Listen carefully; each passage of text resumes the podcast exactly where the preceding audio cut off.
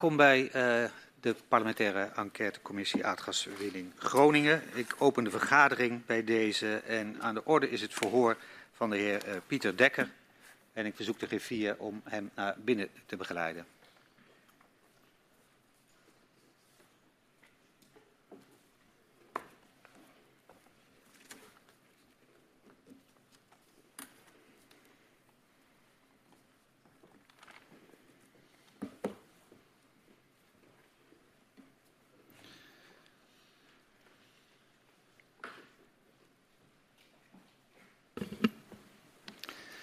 Van harte welkom, uh, meneer Dekker, bij de parlementaire enquêtecommissie Aardgaswinning Groningen.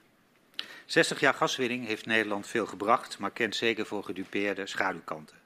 De commissie onderzoekt hoe deze schaduwkanten hebben geleid tot het besluit de gaswinning in Groningen te stoppen. Wij willen weten hoe de besluitvorming op cruciale momenten is verlopen. Hoe werkten publieke en private partijen samen bij de aardgaswinning? We onderzoeken de aardbevingen en de ontwikkeling van kennis daarover en de afhandeling van schade die veroorzaakt wordt door bevingen en het proces van het versterken van gebouwen in de provincie Groningen. We kijken vandaag wat beter naar uh, de werking van het gasgebouw. We horen getuigen vanuit Shell, u en uh, later ook vandaag uh, vanuit de NAM, die veel weten over zowel de technische als organisatorische aspecten rond de gaswinning aan het begin van deze eeuw. U, meneer Dekker, was vanaf 1997 tot 2016 verantwoordelijk voor de aardgasbelangen van Shell in Nederland. En u wordt gehoord als getuige. Dit verhoor vindt plaats onder Ede en u heeft gekozen de belofte af te leggen. Dat u de gehele waarheid en niets dan de waarheid zal zeggen. En ik verzoek u daarom om te gaan staan. En mij na te zeggen, dat beloof ik. Dat beloof ik. Dan kunt u weer gaan zitten. En daarmee staat u nu onder Ede. Het verhoor met u zal worden afgenomen uh, door uh, collega Ilja Kat en Peter Quint. Uh, en mogelijk dat op het eind van het verhoor mevrouw Thiele ook nog enkele vragen zal stellen. Is dat helder? Dan geef ik het woord aan mevrouw Kat. Meneer Dekker, um, u was van 1997 tot 2016 als vice-president joint venture governance van Shell betrokken bij het gasgebouw en de exploitatie van het Groningenveld.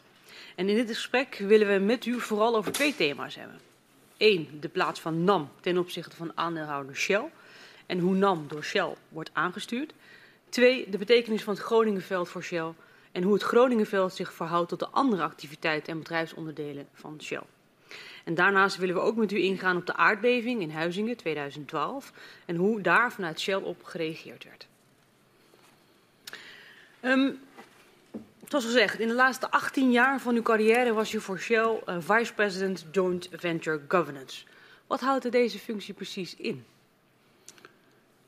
Uh, dat betekent dat ik uh, verantwoordelijk was voor de joint ventures binnen de gassector in Nederland. En ook nog een klein stukje voor een joint venture in Duitsland. En die joint ventures in Nederland waren Gasterra, uh, daarvoor Gasunie en de NAM. En als u het zegt over Duitsland, waar heeft u het dan over? Uh, dan ging het over het downstream stuk van uh, BEB. Dat is een soort uh, vergelijkbaar bedrijf als NAM, met een aantal velden. En daar was ik niet verantwoordelijk of betrokken bij de upstream kant, maar wel bij het pijpleidingbedrijf wat daaruit is voortgekomen. We komen straks nog terug op BEB. Uh, um, ik zei net, 18 jaar heeft u die functie vervuld. Hoe gebruikelijk was dat binnen Shell?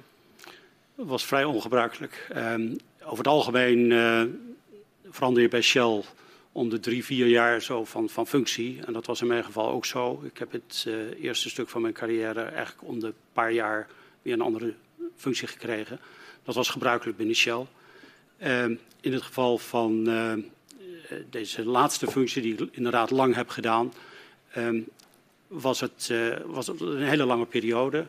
Dat had, uh, denk ik, ook als achtergrond dat het een baan was waarin het lange termijn perspectief van belang was. En het ook wel verstandig was om daar wat langer de verantwoordelijkheid te hebben voor, voor sommige betrokkenen. Daar kwam het eind ook nog bij dat uh, bij Shell was altijd de pensioenleeftijd 60 jaar. En uh, die is, uh, toen ik bijna 60 was, is die verhoogd. en toen mocht ik langer aanblijven. En ik heb er toen voor gekozen om langer door te werken. En daardoor is het een hele lange periode geworden. Ja. En u zegt, uh, het was dus ongebruikelijk binnen Shell om zo lang die functie te vervullen. Um, en uh, eigenlijk zegt u van, ja, dat lange termijn perspectief, dat was nodig om dat goed te borgen.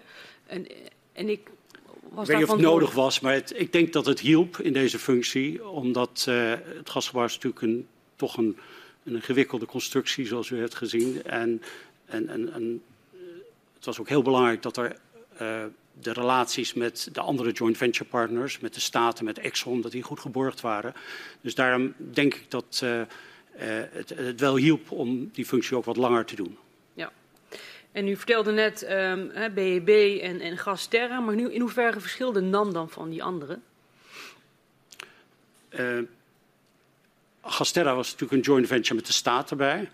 Dus als we even kijken naar de aandeelhouderschap, was voor de helft was dat de staat, 40% EBN, 10% de staat direct. En de andere 50% was 25% Shell en 25% Esso. En Gasterra werd dus aangestuurd door de vier aandeelhouders. Ja. Um, um, zoals net gezegd, uh, u zei het, de productietak um, de gaswinning die uitgevoerd wordt door, door NAM en anderzijds de handelstak, de verkoop van gas door GasUnie, later door Gasterra. Dus dat zijn dus twee onderdelen binnen het gasgebouw. Um, kunt u, um, wat waren uw verantwoordelijkheden en taken voor die beide onderdelen? Ja, dus de, de, de formele verantwoordelijkheden was, ik was lid van de Raad van Commissarissen van NAM. Ik was lid van de Raad van Commissarissen van Gasterra. Ik was ook lid van de adviescommissie van aandeelhouders voor Gasterra. Dus dat waren een aantal formele rollen die ik had. Binnen Shell was ik verantwoordelijk voor het uh, voorbereiden en uh, uh, ja, het voorbereiden, de, de, de, de, voorbereiding van de besluitvorming voor, alle Shell, voor de Shell-vertegenwoordigers in de gremia die de besluiten namen. En dat was, dat heeft u gezien, er was een personele unie. En de positie daarin werd ingenomen door de president-directeur van Shell Nederland en mijn rol was om de besluitvorming uh, waar uh, die plaatsvond in het college van uh, beheermaatschap en college van gedelegeerden van Gasterra aan de Shell-kant voor te bereiden. Ja. Coördineerde u dan ook zowel dus de, nou, de winningskant als de verkoopkant? Ja, ik moet even misschien teruggaan naar hoe dat was opgezet in de overeenkomst van samenwerking en in de nota de paus was natuurlijk afgesproken dat de winning en de afzet ten nauwste uh, op elkaar afgestemd zouden worden. En het was dus heel erg belangrijk dat de NAM en GasUnie, later Gasterra, ten nauwste met elkaar samenwerkten om uh, de doelen te bereiken. En dat was vormgegeven door een personele unie uh, vast te stellen voor de twee gremia die die aan, uh, die NAM en Gasterra aansturen. En dat was het college van gedelegeerde commissarissen van Gasterra en het college van uh, het college beheer maatschap van de maatschap Groningen. Ja. Um, dus u coördineert dat bij die beide kanten. En hoe deelt u dat dan? Um, door te zorgen dat, um, ik moet misschien even toelichten waar, waarom die samenwerking nou zo belangrijk is. Uh, aan, de, aan de productiekant moeten natuurlijk de, alle faciliteiten, de putten, uh, de, de, de, de, leidingen, maar ook de, de capaciteit en de flexibiliteit die geleverd wordt, moet goed zijn afgestemd op wat de markt vraagt en op de contracten die voor dat gas worden afgesloten. Dus een hele nauwe samenwerking was nodig om te zorgen dat de afzet en de winning, zeker voor zo'n groot veld als Groningen, uh, optimaal op elkaar afgestemd is. En wat wij dus moesten doen in de besluitvorming, uh, als er besluiten moesten worden genomen over aan de productiekant, over investeringen bijvoorbeeld in capaciteit, dat die goed afgestemd waren op de commerciële zaken die aan de Gasterra-kant gebeurden. Bijvoorbeeld het afsluiten van exportcontracten, waar capaciteit mee verkocht werd.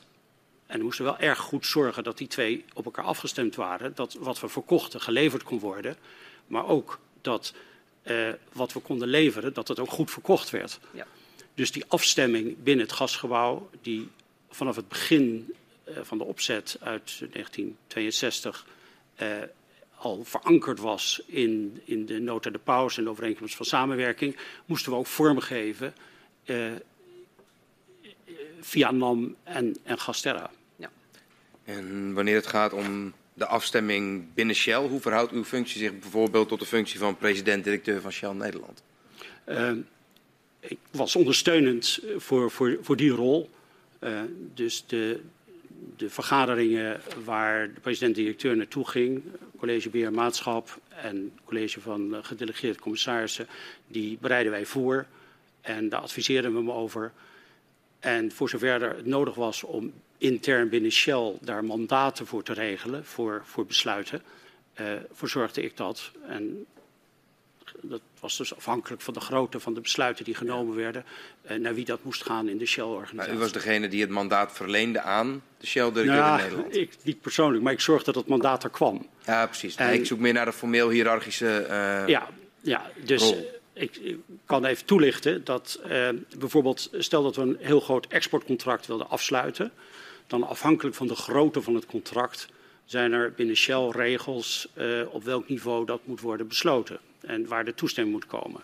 En voor hele grote zaken gaat dat, gaat dat hoog in de organisatie. Dus er waren, uh, er waren contracten waar dat binnen mijn, mijn autoriteit viel. Maar er waren ook contracten ja. die daar bovenuit gingen. En dan ging ik in de, in de marketinglijn binnen Shell. We waren zo georganiseerd dat de marketing van gas viel onder de marketingdivisie van, van, van Shell. Dan ging ik daar naar het juiste niveau toe om dat besluit uh, goedgekeurd te krijgen en daar mandaat voor te krijgen. Ja. En op die manier uh, briefde ik dus ook denk de voorbereidingen voor de besluiten die dan de president-directeur nam in, in de gremia. Ja, precies. Ik zorgde en... daarbij ook dat, natuurlijk dat de voorbereiding van die besluiten met de andere partners gebeurde. Dus uh, het overleg met economische zaken, met de EBN en met Exxon, uh, dat was ook mijn verantwoordelijkheid om dat vooroverleg te doen. Ja, um, dan uh, over de positie van NAM binnen of ten opzichte van Shell. NAM is een joint venture, u zei het zelf al, Shell, Exxon. Uh, en in de Joint Producing Agreement uit 1947 staat dat uh, Shell de manager of operator is van, ja. uh, van NAM. Um, wat houdt het in dat NAM Shell operated is? Wat, wat, wat, betekent dat in de praktijk? Dat betekent eigenlijk dat we het bedrijf, als je naar de operaties kijkt, runnen alsof het een Shell bedrijf is. Dat wil zeggen dat het, het personeel van Shell komt, dat de noem maar de, de arbeidsvoorwaarden van Shell zijn dat alle, alle standaarden, alle procedures uh, volgens de Shell-normen uh, gaan. Dus we, het werd gewoon gerund als een Shell-bedrijf. Het was wel zo dat het natuurlijk een absolute 50-50 joint venture was met Exxon. Dus dat alle besluiten over investeringen, uh, en uh, ja, belangrijke strategische besluiten, uh, die werden natuurlijk allemaal tezamen met Exxon genomen. Dus daar zaten we echt 50-50 in. En wanneer komt dat moment dan in de, in de dagelijkse werkzaamheden dat, uh, dat iets nou ja, van een standaard NAM-besluit ook een besluit moet worden wat bij Exxon wordt voorgelegd? Nou, in ieder geval voor investeringen. Ja. Uh, dus dat, dat is natuurlijk heel, heel belangrijk iets. Uh, maar, maar ook de hele, de hele strategie rond het bedrijf, welke activiteiten ze doen. Dat zijn allemaal dingen die, die natuurlijk werden afgestemd met Exxon. En in, uh, tussen 2012 en 2016 maakt u deel uit van de Raad van Commissarissen van NAM, van de NAM-raad. Ja, klopt. Ehm, wat zijn precies die taken en verantwoordelijkheden van, van de NAM-raad? Um, nou, in ieder geval moesten alle investeringen daar worden goedgekeurd. Uh, en uh, dat was dus een belangrijke taak. Uh, verder werden in alle sessies van de NAM-raad de operaties besproken. Er kwam de NAM-directeur en er werd dus toezicht gehouden op het functioneren van NAM. En als we die notulen terugzien, dan zien we dat u daar ook al vaak aanwezig was voor u formeel die rol kreeg. Dus voor 2012. Ja, dat klopt. Ja. Kunt u ons uitleggen waarom dat was? Uh, dat kwam vanuit het feit dat uh, Shell Nederland. Uh, Shell Nederland is de operator van NAM, de formele operator van NAM. En om, om, die reden was ik ook, voordat ik formeel in die raad zat, zat ik bij die vergaderingen. Maar toen zat ik als toehoorder, dus had ik geen, was ik niet de medebeslisser. Um, een andere toehoorder, of de regeringsvertegenwoordiger, die, die, die, die, zit, uh, die zit ook als toehoorder in de NAM-raad. Laat ik het zo zeggen. Uh, dat recht is er. Dus, oh ja, precies. Er is afgesproken dat de, de NAM-raad, de, de, Raad van Commissarissen van NAM, heeft zes commissarissen. Drie van Exxon en drie van Shell. en er is afgesproken dat daar een, een, een een, een, een stoel bij is voor een, een, waarnemer namens de regering. Ja. En dat is uh, voor een hele lange periode ingevuld door de directeur-generaal uh, van Energie. Ik denk dat de laatste die dat nog heeft gedaan was Stan Dessens. Tot 99. Uh, en op een gegeven moment heeft de overheid besloten om die stoel niet meer te bezetten. Dus die stoel was er nog steeds, dat recht ja. was er. Maar ze hebben ervoor gekozen om die stoel niet meer te bezetten. Verbaast dat u?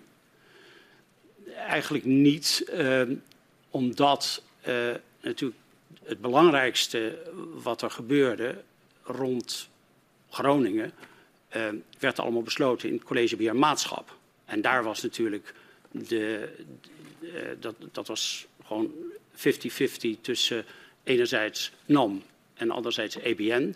Ja. En daar zat altijd de overheid aan tafel via EBN. En er was ook de, de directeur-generaal van Energie was daar ook altijd bij aanwezig. We hadden gisteren een gesprek, uh, een gesprek met de heer Verberg. De heer Verberg die was hier ja. gisteren voor zijn uh, verhoor. U heeft dat vast meegekregen. Ja. En hij had het over uh, de importantie van het Groningenveld voor Shell. Ja. over dat het een van de, de, meest lucratieve ondernemingen was van, van Shell. Kunt u dat voor ons wat meer illustreren? Klopt dat? Dat het Groningenveld van grote betekenis was voor, voor Shell? Groningsveld was, was van grote betekenis voor Shell. Uh, dat is zeker zo. Uh, als je Shell wereldwijd kijkt, zijn er natuurlijk uh, heel erg veel um, belangen die we hebben. Ehm, maar er zijn er een aantal grotere bij. En het Groningenveld is altijd een, een, een, een stevige geweest ja. in die hele portefeuille. Ja. Um, toen u aantrad in 1997, hoe stond uh, NAM er toen voor?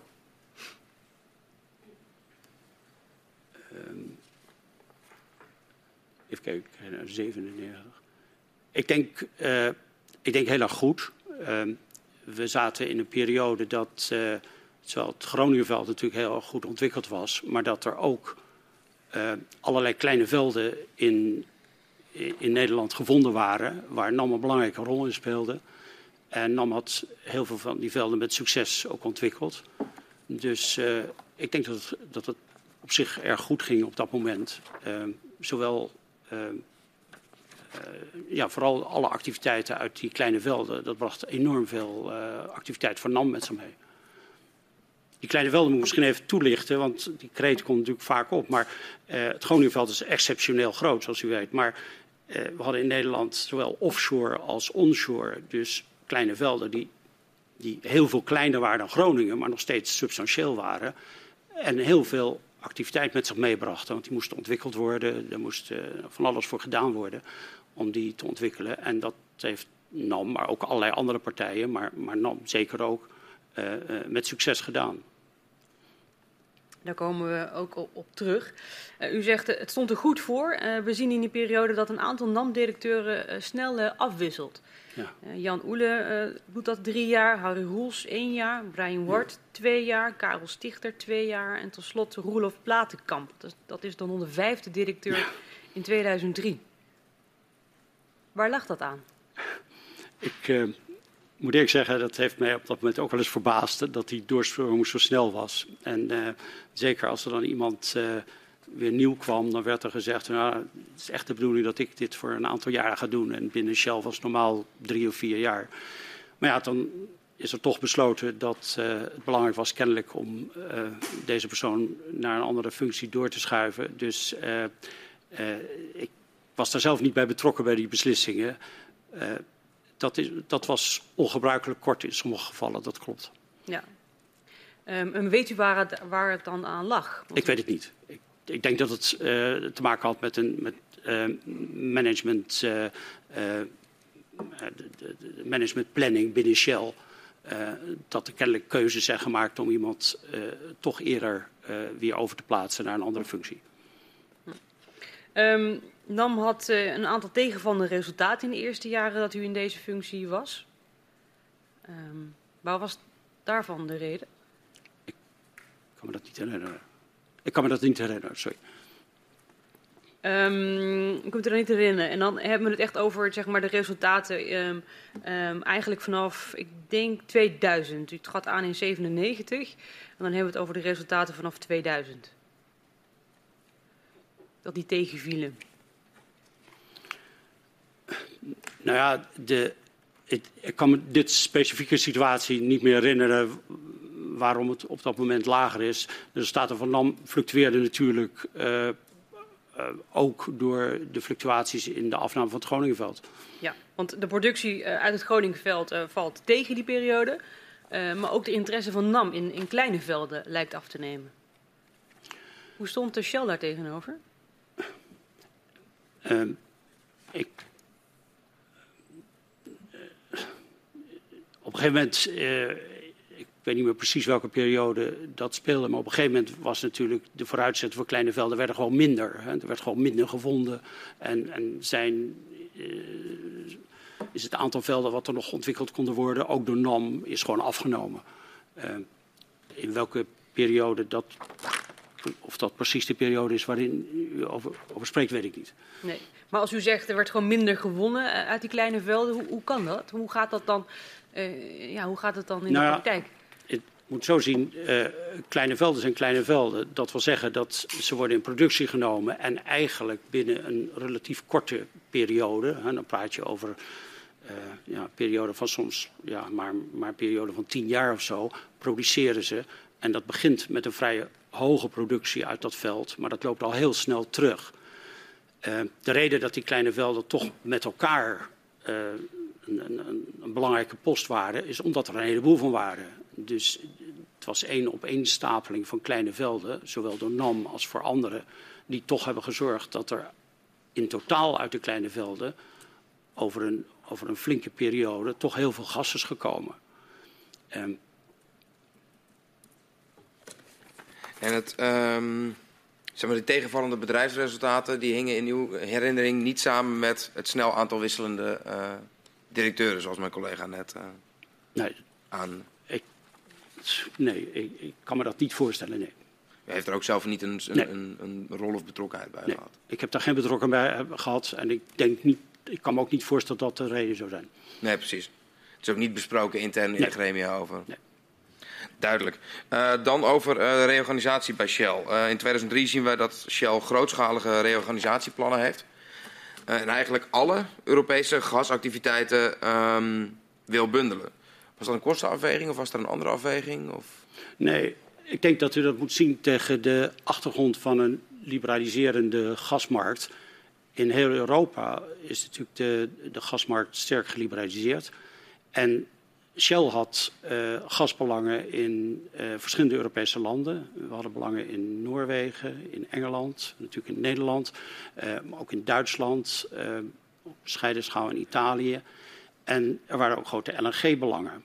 En toen was heel sterk het idee dat in een geliberaliseerde Europese markt het voor Shell verstandig was om dat als één organisatie aan te sturen. En dat heeft geleid tot de vorming van Shell Energy Europe. Ja.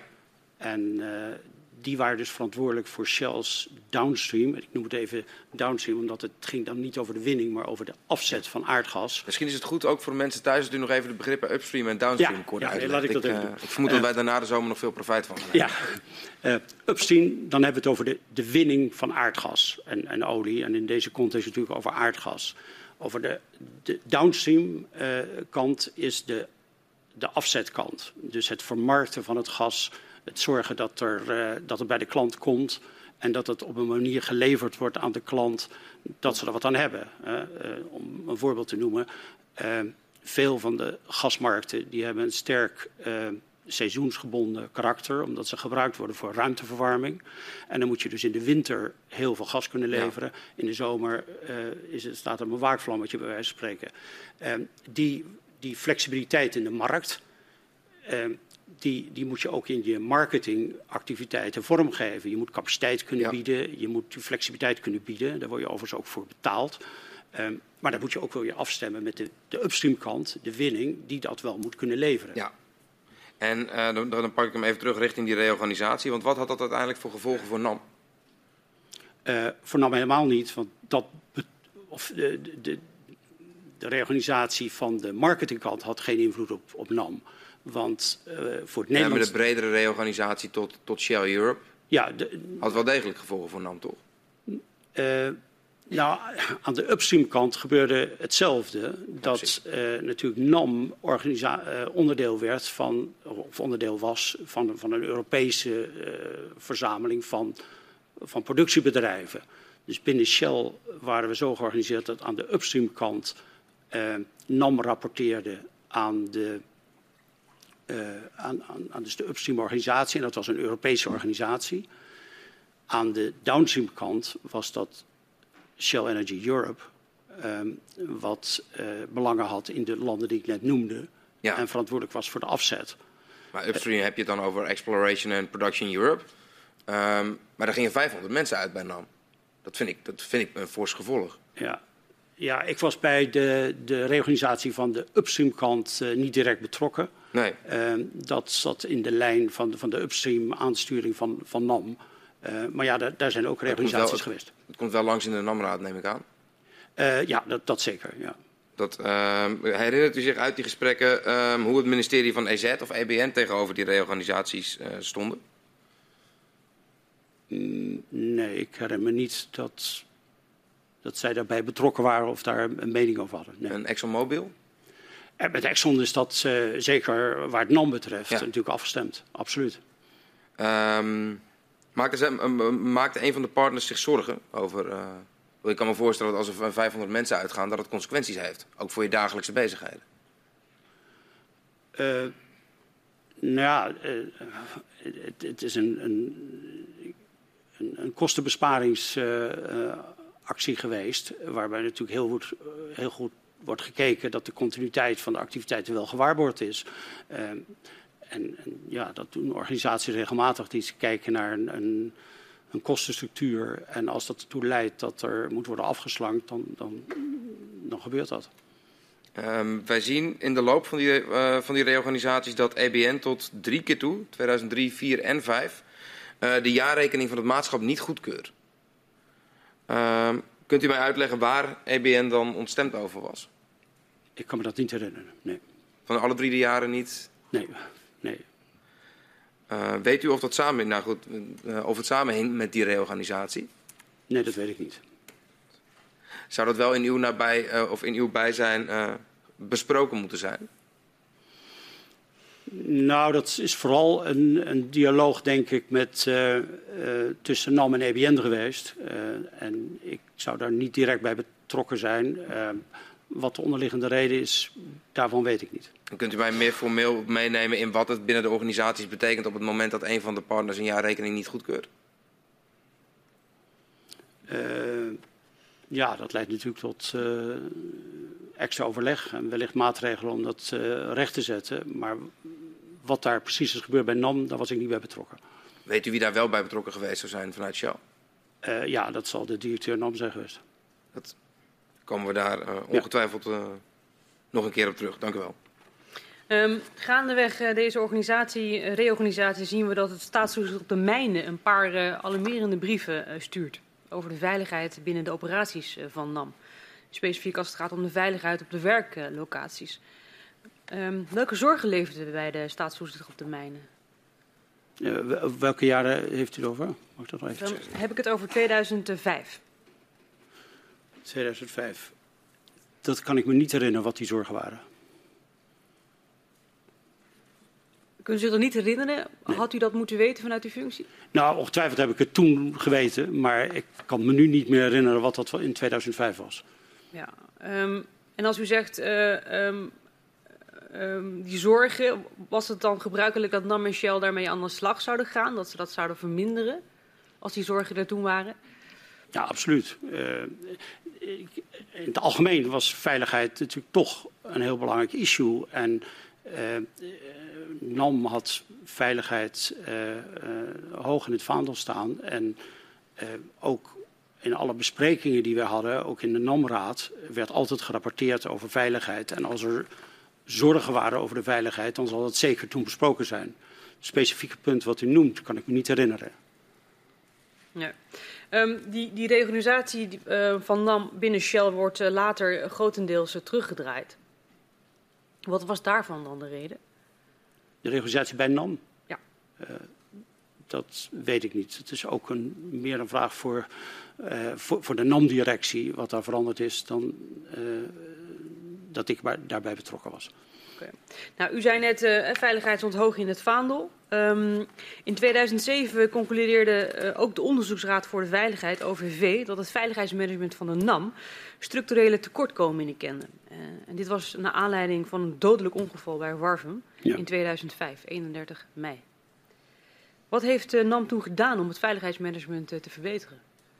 Ja, ik herinner me dat die zaak uh, zeker. En uh, ja, dat is natuurlijk heel erg uh, serieus opgenomen door NAM. Dat was een schokkend on ongeval wat daar gebeurd is.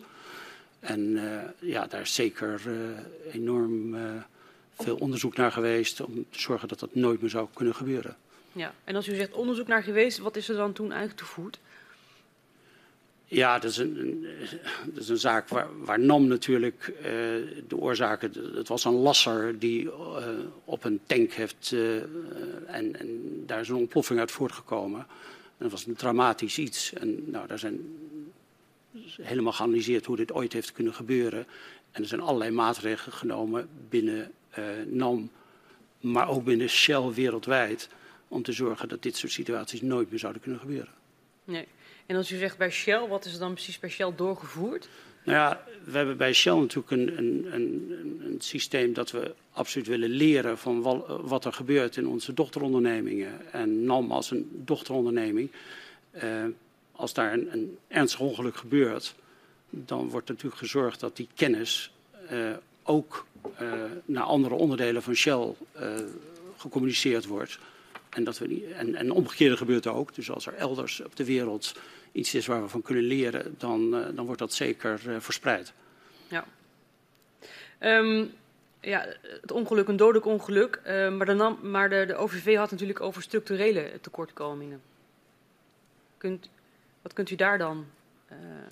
Specifieke maatregelen weet ik niet meer, maar ik weet dat er toen na dat onderzoek echt allerlei. Uh, dan, dan, wordt er analyse gedaan wat er allemaal is gebeurd en wat er verbeterd moest worden. En er komen een hele lijst van verbeterpunten uit.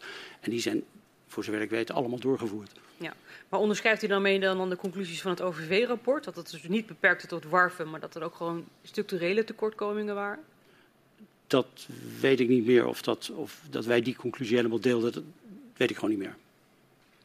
Ja. Maar wie ligt dan uiteindelijk de verantwoordelijkheid? Want u had het net over Shell, uh, tenminste de dochteronderneming. Uh, maar wie ligt dan uh, de verantwoordelijkheid bij zo'n problematiek qua veiligheid? in het geval van een productiebedrijf zoals NAM. NAM rapporteert binnen Shell natuurlijk, binnen divisie upstream, waar we het over hadden. dus de, de, zeg maar de upstream governance wordt door de divisie upstream uitgeoefend. En die zorgen dus ook dat uh, dat NAM op die punten van, van veiligheid en bedrijfsvoering uh, uh, optimaal werkt en, en, alle lessen leert die ze moeten leren. Ja, dus u zegt Shell daarmee? Ja, en, en, dan specifiek de, de, de upstream divisie, die gaat over winning, die daar ook alles van af weet. Hè, en die, die ook uh, laboratoria heeft die, die, en research die dat kan ondersteunen en daarbij kan helpen. Mm -hmm. Mm -hmm. Um, ik uh, zei net dus over de fysieke veiligheid he, van, die, van de werklocaties. Um, um, op welke manier waren Shell en NAM bezig met die externe veiligheid, dus voor omwonenden? Ja, ik, ik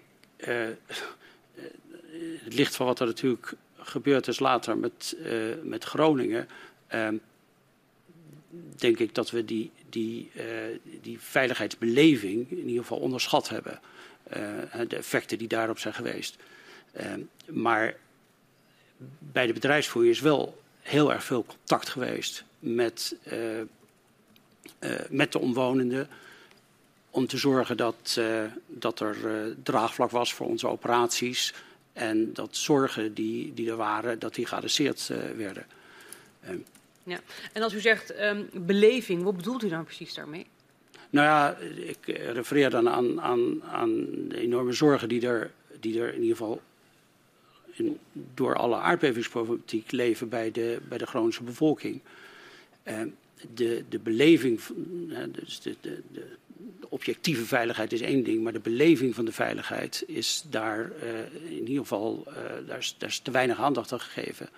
En, en die, is, die heeft ertoe geleid dat er, ja, dat er toch een hele vervelende situatie is ontstaan voor de, de Groningse bevolking. Ja. En als, en als u zegt beleving, ehm, maar mensen hadden ook gewoon schade aan hun huizen. Ja, ja. ja. dus uh, en, en de, de, de, schade uh, was, uh, moest natuurlijk geadresseerd worden, die moest afgehandeld worden. en ook daarbij is, ja, hadden dingen sneller gemoeten en, en, is er een situatie ontstaan waarbij mensen nog steeds problemen hebben met die schadeafhandeling. En, en dat is niet goed gelopen. Ja.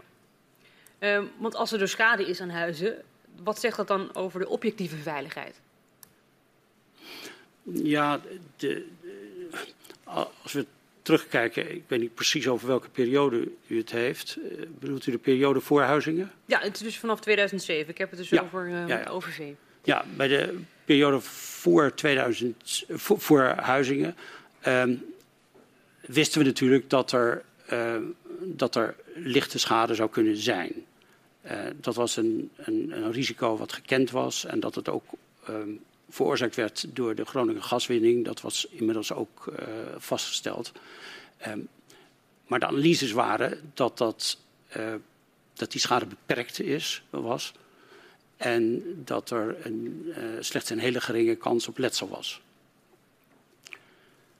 En dat was eigenlijk de, de, uh, ja, het onderzoek wat NAM heeft gedaan, wat ook extern geverifieerd was, uh, toonde aan dat uh, die, die, die, schade beperkt zou zijn.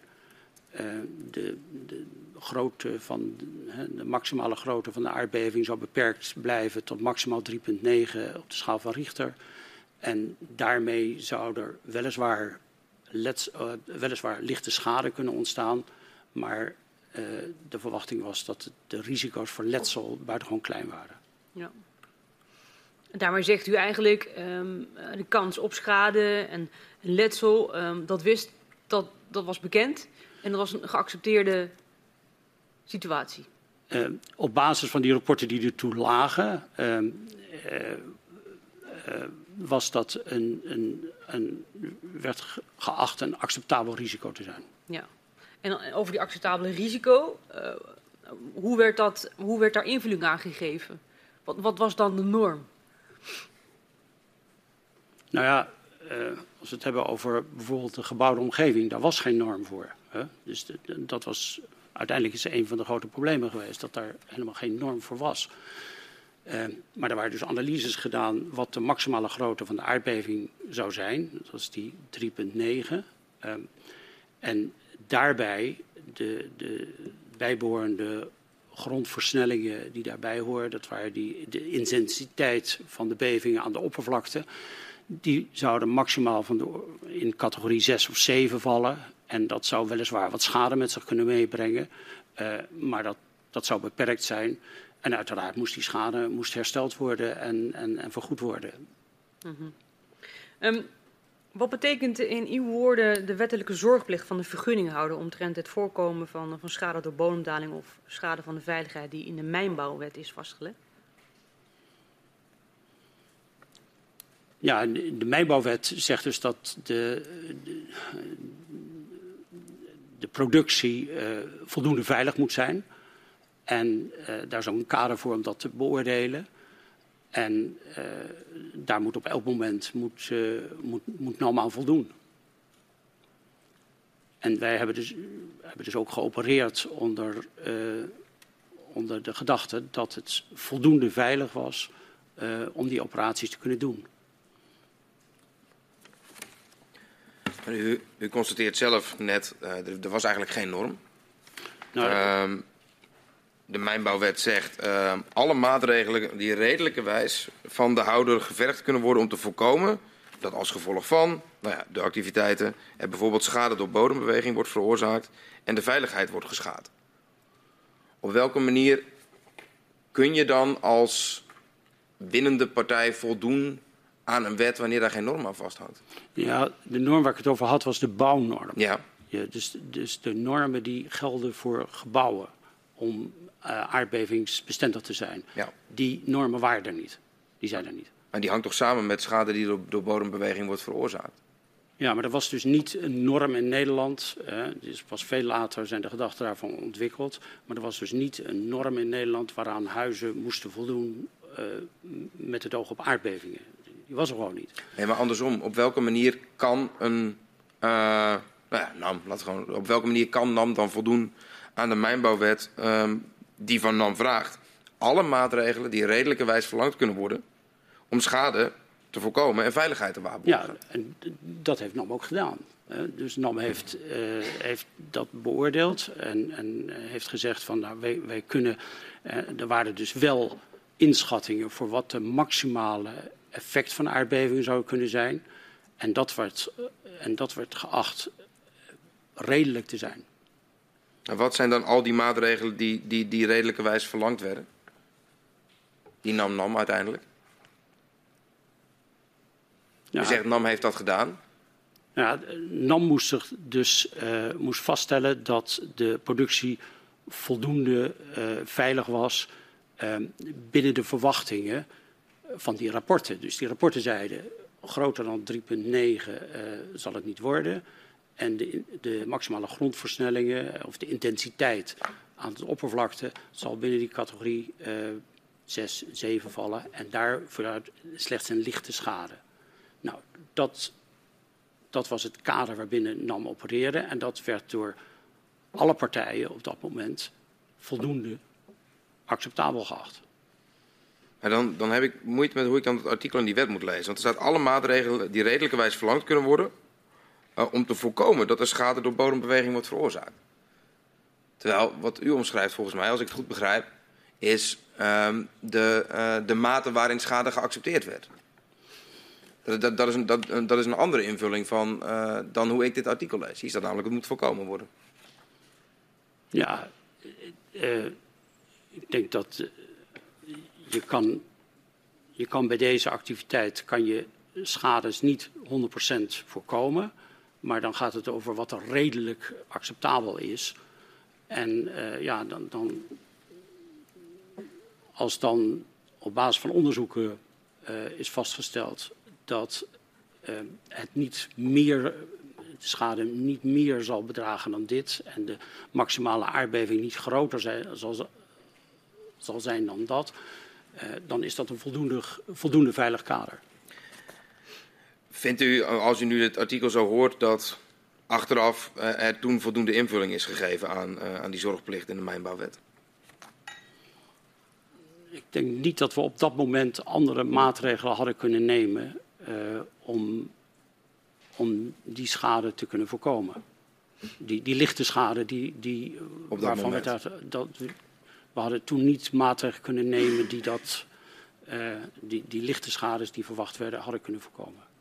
Dan ga ik nog even terug met u het, uh, het gasgebouw in. Um, we hebben het al even gehad over de productiekant. Uh, we willen het nu even hebben over de verkoop door GasUnie, later ja. door uh, Gasterra.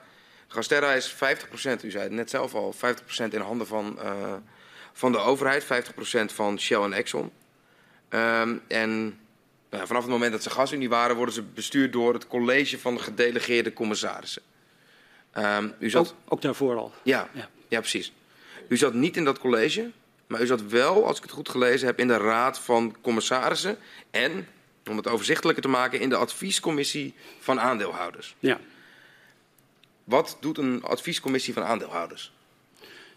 Ja, eh, de adviescommissie van aandeelhouders adviseerde de directie van Gasterra om eh, te komen met voorstellen voor uh, besluitvorming die de steun van de aandeelhouders uh, zouden kunnen krijgen. Dus de heer Verberg heeft gisteren ook al gezegd dat de voorstellen voor het college werden ontwikkeld door de directie. Dus de directie stelde bepaalde plannen voor, voor Gasterra. Bepaal, noem maar een, een, om een bepaalde exportcontracten af te sluiten of een bepaalde verkoopstrategie te volgen. Die moesten geaccordeerd worden uh, door het college van gedelegeerde commissarissen. En de rol van de adviescommissie van aandeelhouders was om Gasterra te adviseren over wat voor soort voorstellen en in welke vorm die voorstellen de steun van de aandeelhouders zouden kunnen krijgen. Dus het was eigenlijk een voorbereiding voor de besluitvorming in het college van gedelegeerde commissarissen. En dat was nodig om sneller tot afstemming te komen in, uh, in het college? Of hoe moet ik... ja, ja, je moet zo zien dat, dat dit natuurlijk een, een, een joint venture was, waarin je uh, alle besluiten toch uh, unaniem uiteindelijk genomen moesten worden. Ja. Dus er moest overeenstemming zijn tussen de partijen om tot een besluit te komen. En dan is vooroverleg om dat te bereiken is, is verstandig. En, en, dat was een belangrijke rol die ik had om met de andere partijen uh, die, die besluitvorming voor te bereiden en voor te bespreken. En vaak zodanig aan te passen dat het voorstel wel de steun van iedereen kon krijgen. Unaniem is niet per se noodzakelijk, toch? Nee, in dit geval, het was wel nodig dat uh, de, de staat kon niet alleen besluiten en de twee oliemaatschappijen konden niet alleen besluiten. Maar het is wel zo dat in het college van gedelegeerd commissarissen het zo was dat als een van de olies, zeg maar, dus of Exxon of ja. Shell, een voorstel niet zou steunen, maar de andere wel en de staat ook, dat dan een besluit wel genomen kon worden. Precies. In theorie was het ook nog mogelijk dat de staat verdeeld zou stemmen, maar dat, daar ja. zullen we niet op ingaan nu. Ja, dat, dat zou ook kunnen. Ja. Um, moet ik het dan zo zien dat uh, de adviescommissie in die zin de vooronderhandeling was van het college voor gedelegeerde commissarissen? Uh, ja, in, in zekere zin wel. Het was de voorbereiding waarbij uh, heel vaak het, het, het, eerste voorstel, bijvoorbeeld voor een strategie of een, of een contract, kwam van de kant van de Gasterra-directie. Dat werd dan in deze adviescommissie van aandeelhouders besproken en werd dan vaak zodanig nog, als dat nodig was, aangepast uh, om te zorgen dat we alle partijen konden steunen. Betekent dat ook dat uh, het college vaak de besluiten, oh ja, aftikte klinkt wat oneerbiedig, maar dat de voornaamste discussie dan al gevoerd was? Dat, dat, ja, dat, dat er zicht was op een overeenstemming? Ja, heel vaak was dat wel zo. Dus als, het, uh, als er overeenstemming was, en uh, soms was dat vooroverleg ook uh, was heel makkelijk, want er waren natuurlijk ook allerlei voorstellen van Gasterra waar, waar geen, ja. geen grote problemen mee waren. Maar als er tussen de aandeelhouders toch een verschil van inzicht was over wat er verstandig was om te doen, dan was dat vooroverleg van belang om die voorstellen aan te passen totdat het iets was wat wel de steun kon krijgen. Ja, en dan verandert er in 2005 het nodige? Uh, Gasterra splitst van GasUnie. Ja. Um, GasUnie gaat verder als staatsbedrijf, nou, transport. Gasterra richt zich nou ja, op de verkoop, het handelshuis. Um, wat voor effect had uh, die gebeurtenis in 2005 op, uh, op de aansturing van Gasterra vanuit Shell? Veranderde er veel? het korte antwoord is nee. voor de aansturing van Gasterra veranderde niks. Want daarvoor was GasUnie een geïntegreerd bedrijf die zowel het transport deed als de, de marketingkant. En na de splitsing was het transport eruit. Maar de, de structuur die er was voor heel GasUnie bleef bestaan voor Gasterra. Ja, precies. Dus de besluitvorming over de hele afzetkant, voor de marketing, voor de exportcontracten, uh, al die beslissingen, die werden op dezelfde methode genomen. Uh, wat er wegviel natuurlijk, was alle besluiten die te maken hadden met uh, transport. Ja. Dus investeringen in, in, in pijpleidingen en dat soort zaken, dat was er opeens helemaal uit. En dat zat er daarvoor wel in. Betekende dat iets voor uh, de verhoudingen tussen aandeelhouders? Veranderde daar iets in? Ik kan me voorstellen dat juist die investeringen in infrastructuur soms tot uh, stevige discussies leiden. Nee, nee, ik kan me niet. Nee, er veranderde in de verhouding niks. En ik geloof ook dat uh, voor die veranderingen de besluiten over uh, noodzakelijke investeringen in infrastructuur, dat die niet leiden tot, tot grote problemen. Okay. Het is meestal zo dat als je een bepaald, bepaalde export wil of een bepaalde verkoopstrategie wil realiseren, dan is het wel duidelijk welke investeringen in pijpleidingen daarvoor ja. nodig zijn. Dus die volgden toch wel vaak uit het, uh, uit, de, uit het marketingbeleid en de, market, de verkoopstrategie. Um, leidt deze splitsing er ook toe dat de staat op meer afstand komt te staan bij het bepalen van die verkoopstrategie? Of ver veranderde daar ook weinig? Nee. Men praat er nog net zo actief mee als men daarvoor deed. Ja. Um, wat, uh, wat, was de voornaamste doelstelling die Gasterra uh, meekreeg bij, uh, bij de oprichting, zeg maar? Gasterra was, uh, of gas nu toen nog, bij de ja. oprichting. Bedoelt u helemaal het begin? Of, uh, 2005, na de splitsing. Ja, dan, daar is, niet, is de doelstelling niet veranderd. Dus die bleef wat hier was. Namelijk dat om het Nederlands aardgas wat in haar portefeuille zat... zo goed mogelijk te vermarkten. Op de, de, meest economische wijze en met waardemaximalisatie. Um, en waardemaximalisatie betekende, betekende dat in die tijd ook het volume zo hoog mogelijk krijgen? Ja, het betekende uh, dat we het, het aan Gasterra beschikbare uh, uh, aardgas op, met, met de, de beste en meest economische manier, de optimale manier vermarkt wordt. En dat betekent natuurlijk de beste prijsvorming, maar ook dat we het volume allemaal afzetten. Ja. ja. precies. En dan even voor de duidelijkheid, het aan, het aan Gasterra beschikbaar gestelde gas, dat is dan op verzoek van Gasterra wordt dat... Ja, dan moet ik even onderscheid maken tussen de, als je kijkt naar de Gasterra portefeuille, ja, waar, die, waar die over beschikt. Dat was natuurlijk het, het, het Groningen gas, wat via Gasterra vermarkt moet worden. Maar ook het aan haar aangeboden kleine veldengas. Ja. En dat is, was ook een grote portefeuille. Het waren heel veel velden die hun gas dus allemaal aan Gasterra hadden verkocht. En dat moest in de markt worden gezet. En ze hadden importcontracten. Uh, en ja. Dus dat was de aanbodportefeuille. En dat, die hele portefeuille moest Gasterra zo goed mogelijk vermarkten. Duidelijk. In um, 2005 wordt naar, uh, wordt na onderhandeling tussen de oliemaatschappijen en het ministerie van Economische Zaken een Groningen plafond vastgesteld. En de hoogte wordt vastgesteld op 425 miljard kubieke meter voor een periode van 10 jaar, dus voor de periode 2006-2015. En dat is gemiddeld 2,5 uh, miljard per jaar. Wat was precies het doel van het Groningen plafond? Van het? Het uh, Groningen plafond. Wat was Groningen plafond. precies het doel daarvan? Ja, ik moet misschien even uitleggen waar we vandaan kwamen uh, van de periode daarvoor.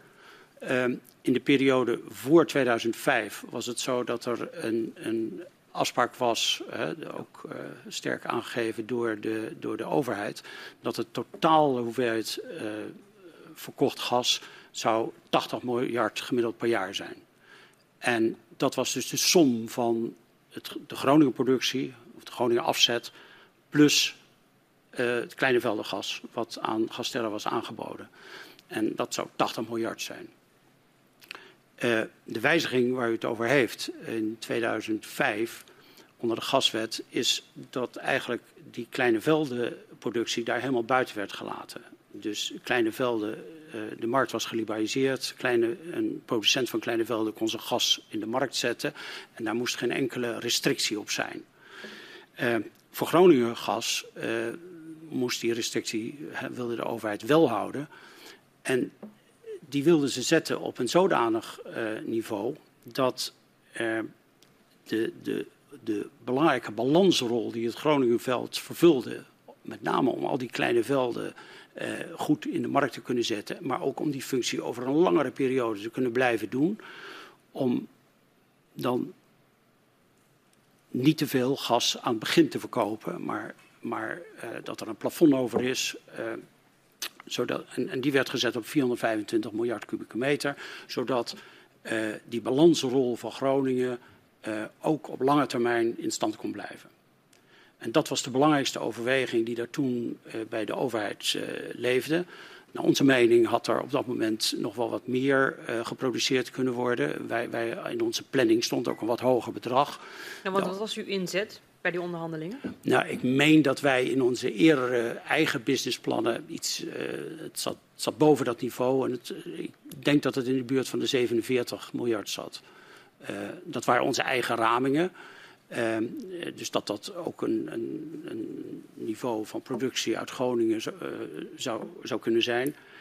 Toen kwam de overheid. Uh, en de overheid zit natuurlijk in dat gasgebouw met verschillende rollen. Enerzijds zijn ze verantwoordelijk voor, de, voor, voor, voor, het politieke belang en voor, voor het energiebeleid. maar ze zaten natuurlijk ook met ons in de joint venture voor Groningen. En daarom hebben ze natuurlijk met ons overlegd wat dit, eh, die nieuwe wetgeving zou betekenen voor, voor de joint venture en voor de productie van NAM. En in eerste instantie hadden zij een iets lager bedrag in hun hoofd. Uh, ze kwamen met uh, 37,5 gemiddeld. wij zaten wat hoger. We hebben toen intensieve discussies gehad met de overheid. Waarbij wij zeiden van ja, ook met een wat hoger niveau dan die 37 uh, kan nog steeds die balansrol op termijn vervuld blijven worden. En de overheid heeft dat, heeft dat uiteindelijk ingezien dat een hoger niveau mogelijk was en ook verantwoord was om die balansrol ook op termijn veilig te stellen. En daar is toen uiteindelijk uitgekomen dat de overheid heeft gezegd van 4,25 gemiddeld over, over die tienjaarsperiode. Ja, en um, want u zegt um, Um, wij zouden met een hoger plafond ook met die balansrol goed uit kunnen komen. Ja. Kunt u dat dus toelichten? De uh, overheid heeft een heel ander uh, getal in gedachten. maar, nou, laat ik even voorop zeggen, dit zijn gecompliceerde zaken om uit te zoeken. Ja. Want waar het om gaat, is je moet dus een, een, een, een aan de aanbodkant moet je kijken naar wat is de verwachting van kleine velden. Welke velden zullen nog ontwikkeld worden. Wat voor soort flexibiliteit zit er in die kleine velden. Die is meestal heel gering. Um, dus, dus, je moet heel goed kijken naar je aanbodportefeuille. Want keek Shell dan zo naar het kleine veldenbeleid? Het is gering. Nee, de flexibiliteit. Ik zei de flexibiliteit, dat, dat bedoelde ik. De flexibiliteit in uh, kleine velden is heel gering. Mm -hmm. Dus als een kleine veld opstart, dan is meestal zo dat je ook om economische redenen, maar ook soms operationele redenen, eh, heel weinig flexibiliteit hebt. Bijvoorbeeld, een klein veld is ook niet geschikt om in de winter heel veel te leveren en in de zomer niet. Mm. Dus eigenlijk wil je zo'n klein veld wil je het hele jaar door uh, produceren. En het heeft ook een ongelukkig profiel. Uh, om voor u te zien, het, de productie loopt meestal heel snel op en dan loopt het in de staart zo leeg. Nou, dat is heel onhandig om ook in de markt te verkopen. Als iemand gewoon vijf jaar gas wil hebben met een, eh, dus een klein veld, heel ongelukkig om dat te leveren. Dus om dat, om dat aanbod van kleine velden te maken tot iets wat in de markt werkt, hè, wat seizoenflexibiliteit heeft, wat in de, de winter veel levert en in de zomer weinig. Um, maar ook uh, over de jaren heen bijvoorbeeld een, een, een, een contract met, met een, vaste levering uh, daar zijn die kleine velden alleen niet erg geschikt voor. Als een hele portefeuille van heel veel velden wordt het al iets beter. Maar het wordt pas echt goed als je bijvoorbeeld zoiets hebt als een Groningenveld, waarmee je de productie enorm kan fluctueren. Niet alleen tussen zomer en winter, maar ook van het ene jaar naar het andere jaar. Om de, de flexibiliteit die er nodig is in die markt en, en in het aanbod, om dat, om dat goed vorm te geven. Dus die balansrol van het Groningenveld uh, vond de overheid begrijpelijkerwijs heel erg belangrijk. Want dat was eigenlijk een voorwaarde om dat kleine veldenbeleid goed uit te voeren. Dat die kleine velden echt ontwikkeld konden worden bij voorrang. En uh, ja, dat had natuurlijk consequenties voor, uh, voor het Groningenvolume. En wat er uiteindelijk uit is gekomen, die 425, daar waren alle partijen het over eens dat dat voldoende uh, ruimte bood om die kleine velden te accommoderen. En, en, en um, um, u zei net, hè, uh, de overheid vond het heel belangrijk dat die kleine velden um, uh, nou, dat benut werd, en die productie daarvan. Uh, het ministerie vindt op een gegeven moment ook herhaaldelijk dat NAM zich niet genoeg inspant voor die productie uit die kleine velden. En zelfs ExxonMobil die lobbyt bij de Europese Commissie tegen dat kleine veldenbeleid.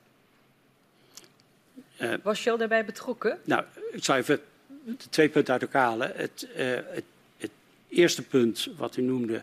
Uh, ik herinner me inderdaad dat er op een gegeven moment uh, vanuit uh, Economische Zaken en vanuit de EBN werd gezegd: Nou, het zou wel fijn zijn als ook NAM nog meer activiteiten op het gebied van kleine velden ontwikkelt.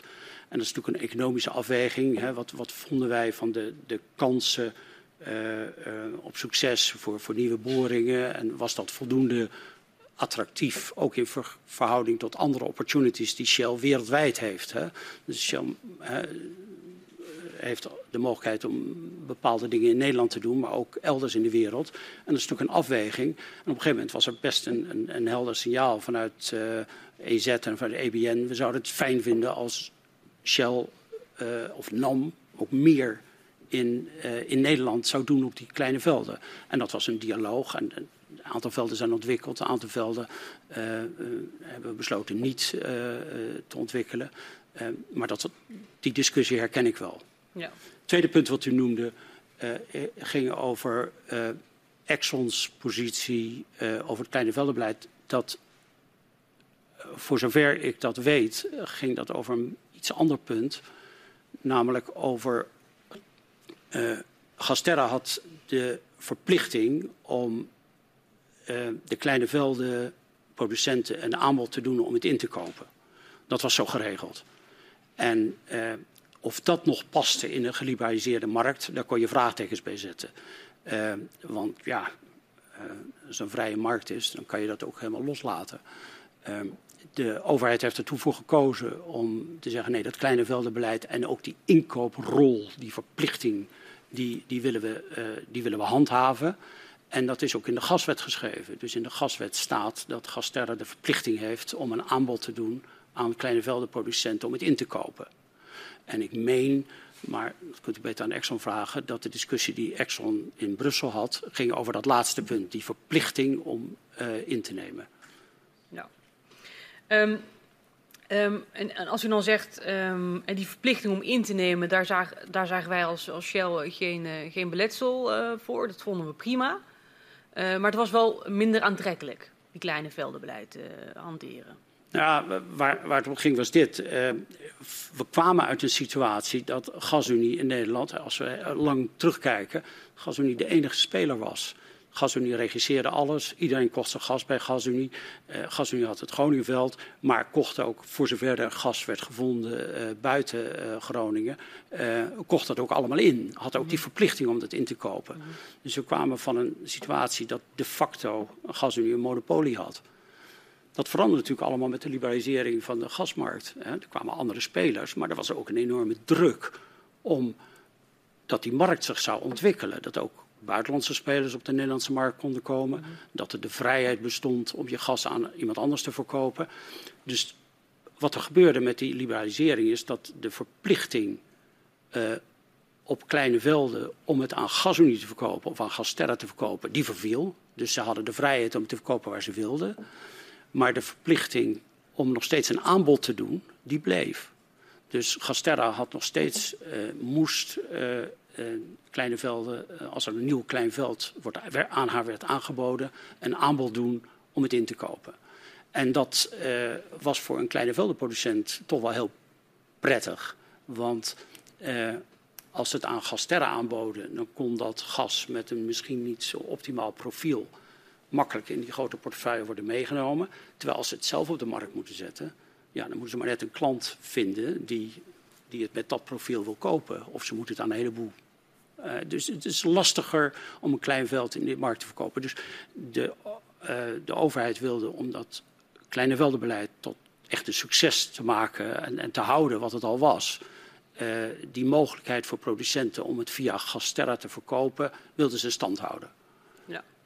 En u zei net, voor die kleine producenten waren die kleine velden interessant. Maar hoe stond Shell dan, dan tegenover? Voor Shell waren kleine velden ook interessant. Ja, niet elk veld. Dat was natuurlijk een individuele beoordeling. Dus onze upstream tak, uh, die, die keek natuurlijk heel erg naar... Uh, is, is dit een voldoende interessant project om te ontwikkelen? Waarbij ze ook een, een, een afweging maken om het te vergelijken met andere mogelijkheden elders. Maar in zijn algemeenheid waar, was het uh, ontwikkelen van kleine velden ook voor Shell interessant.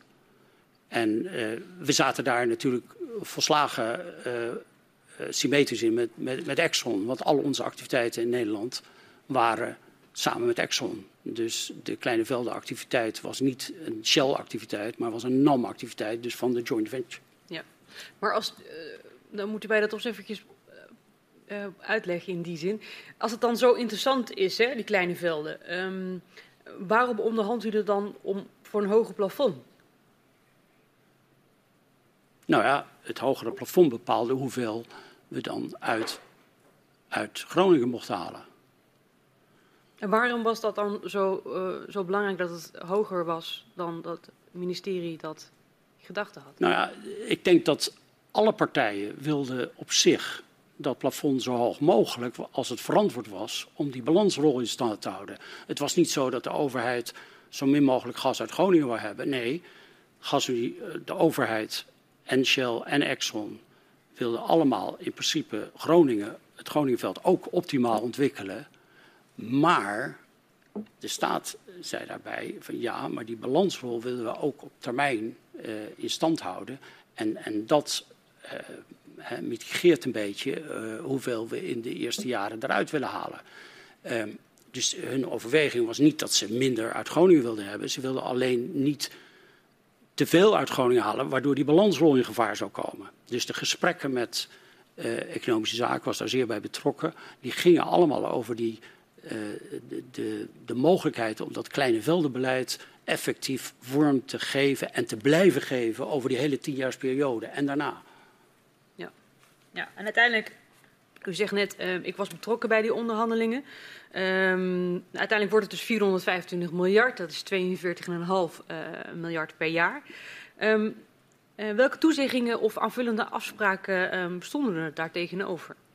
Ja, nou, de, de, belangrijkste afspraak die er daarbij ook is gemaakt, is dat de zorg van de overheid was wel weggenomen, maar er was toch nog een, een beetje een, een, een, restzorg. Dat, ja, wat nou als die balansrol toch in gevaar komt? Hè? Stel nou dat, dat ondanks die, dat plafond van die 4,25 toch die balansrol niet gevuld kan worden. Dan zou, die balans, zou voor die balansrol extra investeringen nodig zijn. En uh, toen hebben wij afgesproken dat uh, mocht het zo zijn dat dat nodig is om die kleine velden te accommoderen en, en uh, toch die balansrol, die Groningen modulatie onvoldoende is, dan, uh, dan zijn wij bereid om de daarvoor noodzakelijke investeringen te doen. Dus die aanvullende afspraak is gemaakt en die was voor de overheid erg belangrijk. verder is afgesproken dat het wel de bedoeling was, het voornemen was om na die periode van die tienjaarsperiode, het voor de periode daarna het uh, op hetzelfde niveau uh, te houden, dus op die 425, totdat de natuurlijke, uh, de natuurlijke afname van het veld bereikt wordt. Ik moet dat misschien even toelichten. Ja.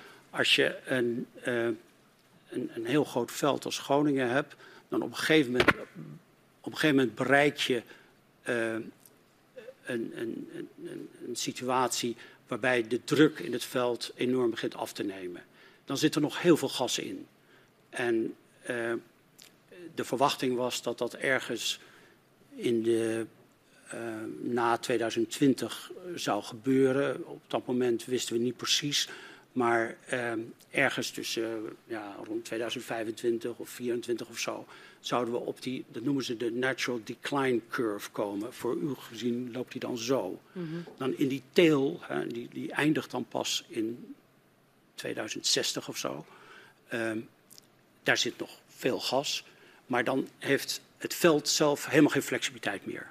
Dan, dan eigenlijk uh, je, je kan dan niet meer aan en uitzetten of zo. Dus je moet al je flexibiliteit om bijvoorbeeld de flexibiliteit tussen zomer en winter te fluctueren.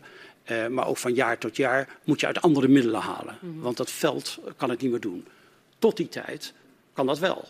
Uh, dus tot, totdat je op die natuurlijke decline curve komt, uh, kon het Groningenveld ontzettend veel flexibiliteit leveren. En wat ook gebleken is, hè, dat hebben we heel effectief gedaan. Ehm, en er is dus afgesproken dat we die 4,25 zouden handhaven totdat we op die natural decline curve zouden komen. Ja. Verder zijn er daarnaast nog wat, uh, uh, meen ik ook, wat afspraken gemaakt over uh, mogelijke inkoop en, en export. Ja, um, ruimte daarvoor. Ruimte daarvoor. En wat ja. voor afspraken zijn dat dan? Nou ja, wat, wat natuurlijk altijd een discussie was van moet er uh, gas kunnen worden ingekocht uh, door Gasterra naast de portefeuille die ze al hebben. en daar is gezegd van ja, op bescheiden schaal, als dat nodig is om je, je portefeuille optimaler te maken, dan mag dat. Hm. Um, in een rapportage van Gasterra aan de minister in maart 2006 uh, lezen wij terug dat met de vaststelling van het Groninger plafond in zekere zin een einde is gekomen aan uh, de balansfunctie van het veld. En dat het plafond meer moet worden gezien als een doelwaarde. Wat wordt uh, daarmee bedoeld? Ja, de, de, de, de um, wat, de situatie die er ontstond was dat binnen die 425 die balansrol um, gewoon nog, nog bestond. Maar voor zover die balansrol vervuld was, mochten we dus gaan tot 4,25 gemiddeld. Maar ik moet misschien even uitleggen. Uh, wa waarom was dit nou een gemiddelde over 10 jaar en niet een, een bedrag per jaar? Hè? Want dat mm -hmm. zou misschien voor de hand liggen. En zeker in de periode later pra praten we steeds over uh, een maximum per jaar. En hier was de situatie dat het natuurlijk een gemiddelde was over een hele lange periode, over tien jaar. En waarom was dat zo? Omdat er zowel aan de aanbod als aan de vraagkant um, enorme onzekerheid zat. Aan de aanbodkant hebben we het over gehad. Dat is die kleine, dat kleine veldenaanbod, wat toch wel heel grillig was. Er waren ook putten die het soms niet deden, velden die opeens niet leverden, onderhoud wat gepleegd moest worden, dat er opeens kleine velden helemaal uitvielen. Dus dat was een onzeker uh, aanbod en ook een, een, een, niet optimaal profiel voor de markt. Mm -hmm. Aan de vraagkant uh, zaten we ook met uh, grote onzekerheden. Eén daarvan is natuurlijk temperatuur. En dan gaat het niet alleen over natuurlijk de temperatuursverschillen tussen winter en zomer, maar ook warme en koude jaren. Uh, en dat kan enorm verschillen. Dus er zijn gewoon jaren dat, het, uh, dat je gewoon veel meer gas nodig hebt dan andere jaren. En een, een derde factor was de variabiliteit of de fluctuaties die de exportcontracten, uh, de exportafnemers, onder hun contract hadden. wat er gebeurd was, dat we hebben heel veel, Gasterra heeft heel erg veel gas aan het buitenland verkocht onder langlopende contracten. En dat waren echt hele grote contracten. Dus uh, vier of vijf met Duitse afnemers, uh, twee naar, naar uh, Frankrijk, twee naar België. dus dat waren, en later ook naar, of naar Italië en later ook naar Engeland. En dat waren hele grote contracten, langlopende contracten, waarbinnen de afnemers niet alleen de flexibiliteit hadden om in de winter meer te nemen en in de zomer minder te nemen, maar ook enorme flexibiliteit hadden om het ene jaar meer te nemen en het andere jaar minder. -hmm. En die, die uh, capaciteit om dat te verschuiven, dat deden ze ook. En dat deden ze niet alleen op basis van temperatuur. Je zou verwachten van nou, in een koud jaar nemen ze dan uh, nemen ze heel veel meer. Dat was ook wel zo. Uh, maar ze hadden ook flexibiliteit om gas in te halen van het vorig jaar. En dus hoewel ze een verplichting hadden per jaar, mochten ze daar omheen, hadden ze flexibiliteit. Ja, om die flexibiliteit te kunnen counteren, zo gezegd, had u het nodig om zeg maar, die, die voor tien jaar vast te leggen in plaats van per Absoluut. jaar? Absoluut. Nee, dat is het exact. Ehm, ik had nog wel een andere vraag. U zegt ja, dat wordt dan tot, tot 2005, eh, 2015 vastgelegd. 4,25 gemiddeld 42,5 per jaar. En Ja. daarna stilzwijgend door tot het veld in decline komt. Ja. De tweede helft van die afspraken, is dat ook vastgelegd? Ehm, die is vastgelegd in een briefwisseling. Ja. Dus die afspraak die is eh, eh, in, in de wet stond natuurlijk de 425 voor die Ja. tienjarige periode, waarbij eh, volgens de wet dus die, die periode elke vijf jaar moest worden, opnieuw moest worden vastgelegd. Deze aanvullende afspraken die zaten in een briefwisseling tussen de vier partijen. En daarmee Dus- zijn ze niet openbaar. Nee, maar dit waren natuurlijk zaken die heel erg raakten aan het commerciële eh, beleid van Gasterra. Dus eh, dat, waren, dat was gewoon heel onverstandig om die openbaar te maken. Eh, eigenlijk alles wat te maken heeft met eh, verkoopstrategie, inkoopstrategie, eh, investeringen in, in flexibiliteit, dat zijn ja, toch commercieel gevoelige dingen. Dus die, die eh, is, dat zijn die eerste tien jaar toch ook? Ja, de- dus de, de buitenlandse afnemers waren ook zeer geïnteresseerd natuurlijk in die gaswet, die 425. Ja. Je, moet- je moet zo zien, die, die Europese gasmarkt was in toenemende mate een Europese markt geworden. Ehm, waarbij eh, de Nooren grote eh, spelers waren, waar LNG een grote rol ging spelen. De Russen waren grote spelers. En, en Gasterra was een grote speler. Dus eh, dit soort informatie over hoeveel Nederland zou leveren en zou mogen leveren en zou kunnen leveren eh, op termijn, was ook eh, eh, hele interessante commerciële informatie. Dus ten dele was dat openbaar natuurlijk, maar een aantal van die aanvullende afspraken die zijn begrijpelijkerwijs niet openbaar gemaakt. Ja, waar ik mee zit te puzzelen is, dat, dat, ehm, voor mij van een afstand zou ik zeggen dat de bedrijfsgevoelige component van die eerste tien jaar veel groter is dan een stilzwijgende afspraak van we verlengen hem ongeveer op hetzelfde niveau tot het veld in decline raakt. Dat laatste deel lijkt me namelijk best logisch. Dat je zegt van nou, tot het natuurlijk gezien automatisch minder gaat worden, om het maar even zo te zeggen. Ja. Ehm, Nou- gaan we een beetje door op de ingeslagen weg. Ja. Dan vat ik het even heel huiselijk samen. Ehm, waarom, ik, ik ik snap niet zo goed waarom dat eerste deel wel openbaar is. En waarom er dan dat tweede deel aan de openbaarheid ontrokken is. Nou, eh, u zegt ja, weliswaar ligt dat wat verder in de toekomst, maar je moet wel realiseren dat de, de Europese gasmarkt hè, en die lange termijn contracten, die hadden echt een hele lange periode. En wat van groot belang was, is of bijvoorbeeld Nederland nog extra gas op de markt zou zetten of niet. Dat was voor, voor Noorden en Russen en, en voor LNG-leveranciers waren dat hele belangrijke overwegingen van hoeveel is er nog te verwachten van deze eh, leverancier eh, of niet. Ja. Dus ook, ook zaken die, eh, die, die spelen op een iets langere termijn zijn commercieel gezien toch wel heel interessant voor, voor onze concurrenten. Was dat voor die concurrenten zo onduidelijk om, om, om, om de, de levensloop van het Groningenveld in te kunnen schatten op basis van wat er in het verleden Nou ja, al eh, uitgehaald was?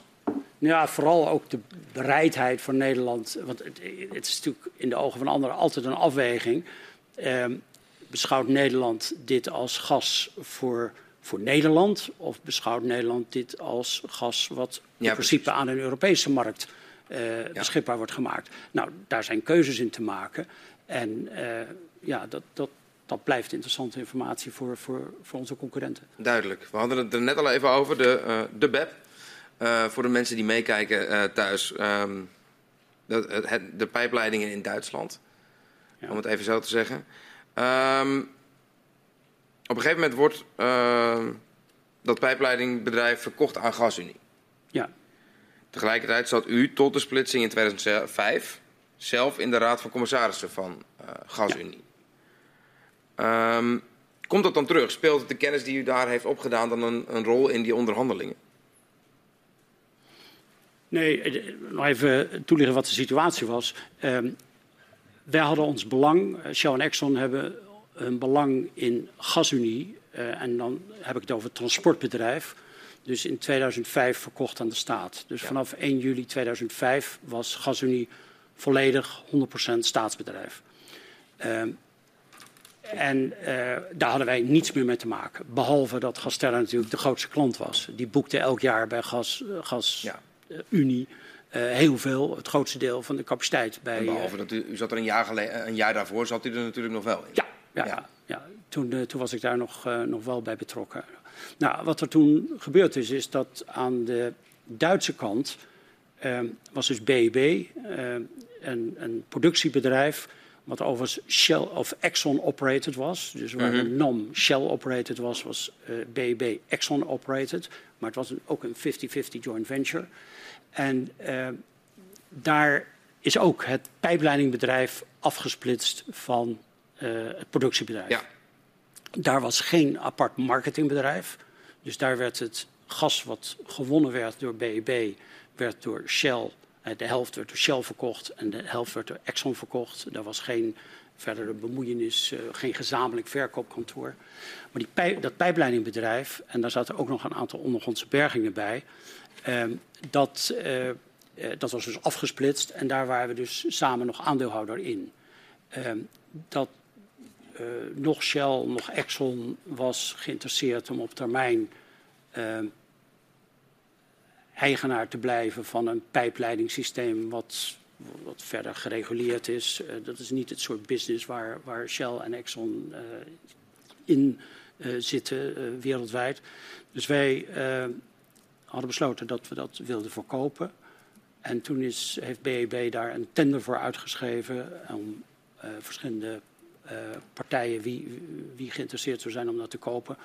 En daar hebben een aantal partijen op gereflecteerd, waaronder Gasunie. Ja. En voor Gasunie was het natuurlijk een interessant iets, want het was een pijpleidingnet wat grensde aan hun eigen uh, pijpleidingnet.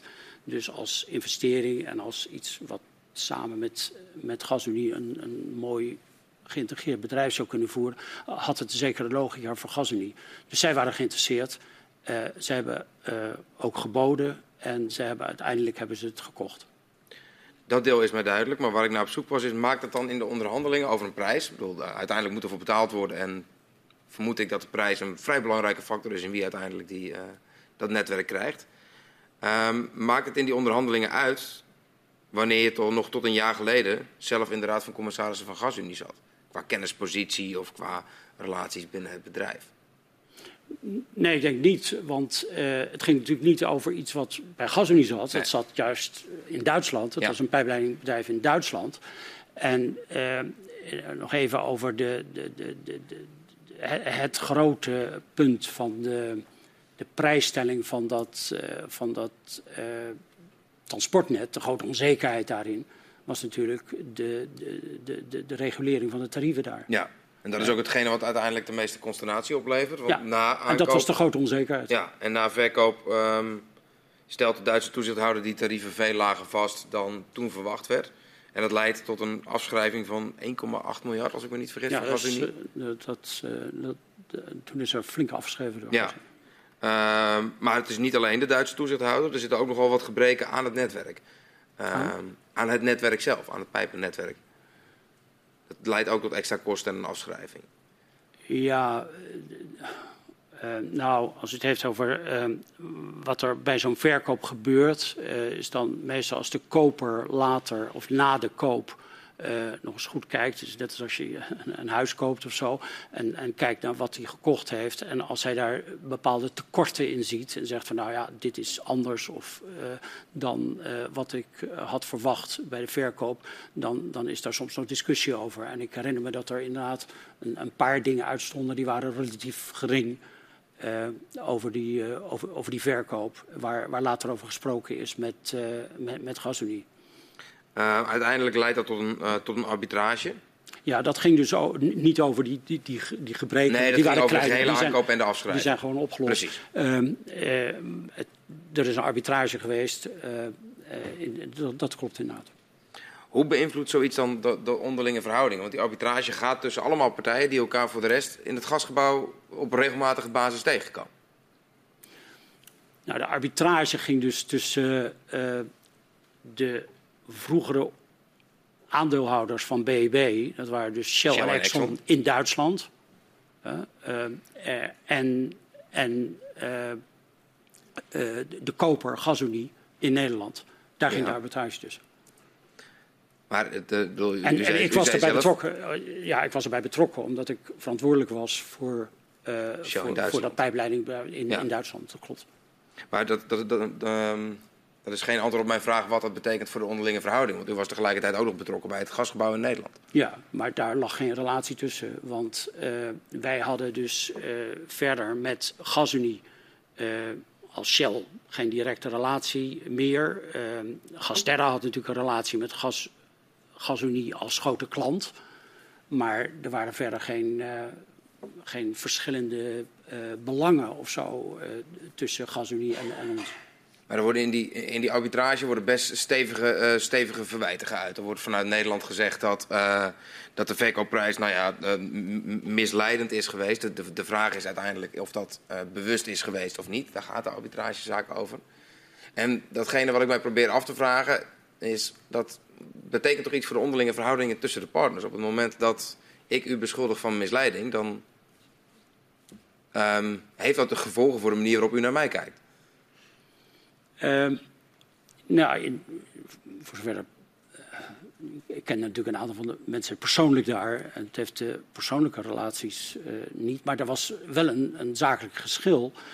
Uh, de arbitrage ging he heel uitdrukkelijk bij de verkoop. Hebben Shell en Exxon gezegd van kijk, een grote mate van onzekerheid is de toekomstige tarieven die bepalen de waarde van bedrijf. En daar zal elke koper en elke bieder zijn eigen inschatting van moeten maken. En uh, dus heel uitdrukkelijk is dat bij de verkoop gezegd. En uh, die inschatting heeft ook elke partij gemaakt. Uh, dus GasUnie heeft haar bod gebaseerd op een inschatting van wat de hoogte van die tarieven zou zijn. Uh, GasUnie is toen zelf ook nog gaan praten met de Duitse regulator om daar natuurlijk zelf te begrijpen wat ze konden verwachten en daar zo goed mogelijk een inschatting van te kunnen maken. En ze hebben daar een keuze in gemaakt. En, en uh, ja, later uh, is dat anders uitgepakt dan wat ze op dat ja. moment dachten. Maar van de kant van, van Shell en Exxon is vanaf het begin benadrukt dat daar alle partijen hun eigen assessment moesten maken. Want wij wisten het niet en zij moesten het zelf inschatten. Maar uiteindelijk um, komt u wel op het ministerie van Financiën terecht in, op zoek naar een, uh, naar een schikking, een, een, een, een tussenvoorstel. U onderhandelt daar mei 2013, als ik me niet vergis?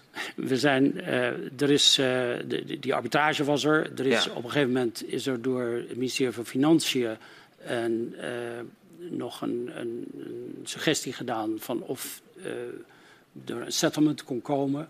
En toen herinner ik me dat ik een kort gesprek op het ministerie van Financiën heb gehad.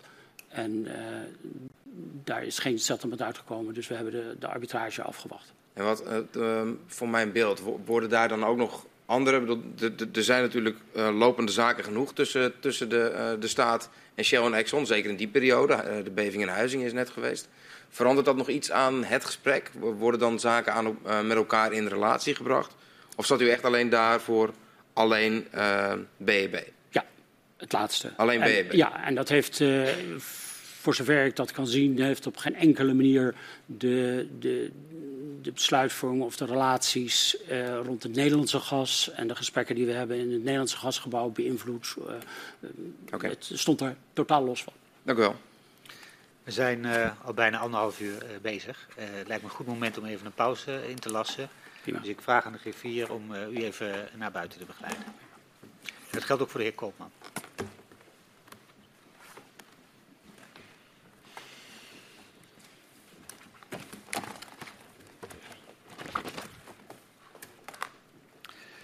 We schorsen tot kwart over twaalf.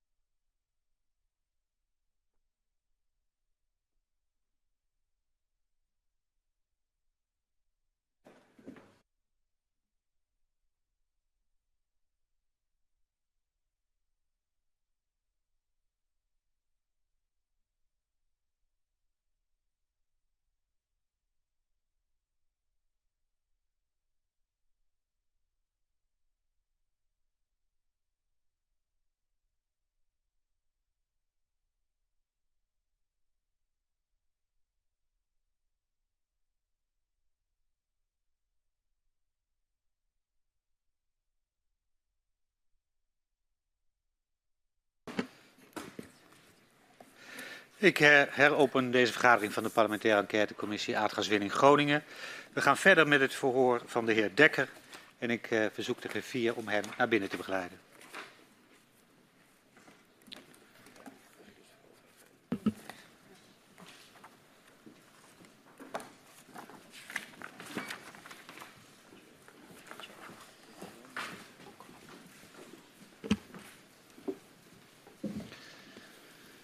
Gaan weer verder en het woord is aan mevrouw Kat. Ja. Um, we gaan weer terug naar Gasterra. Want hoe wordt de jaarlijkse hoogte van de gasproductie van het Groningenveld uh, bepaald? Um, even zeker weten, hebben we het over de periode voor 2014? Voor, ja, of, voor 2014. Voor, voor 2014, ja. ja. Um, dan is het zo dat uh, de hoogte van de afname van het Groningen wordt bepaald door Gasterra. Dus uh, en dan vallen we onder het regime van de gaswet.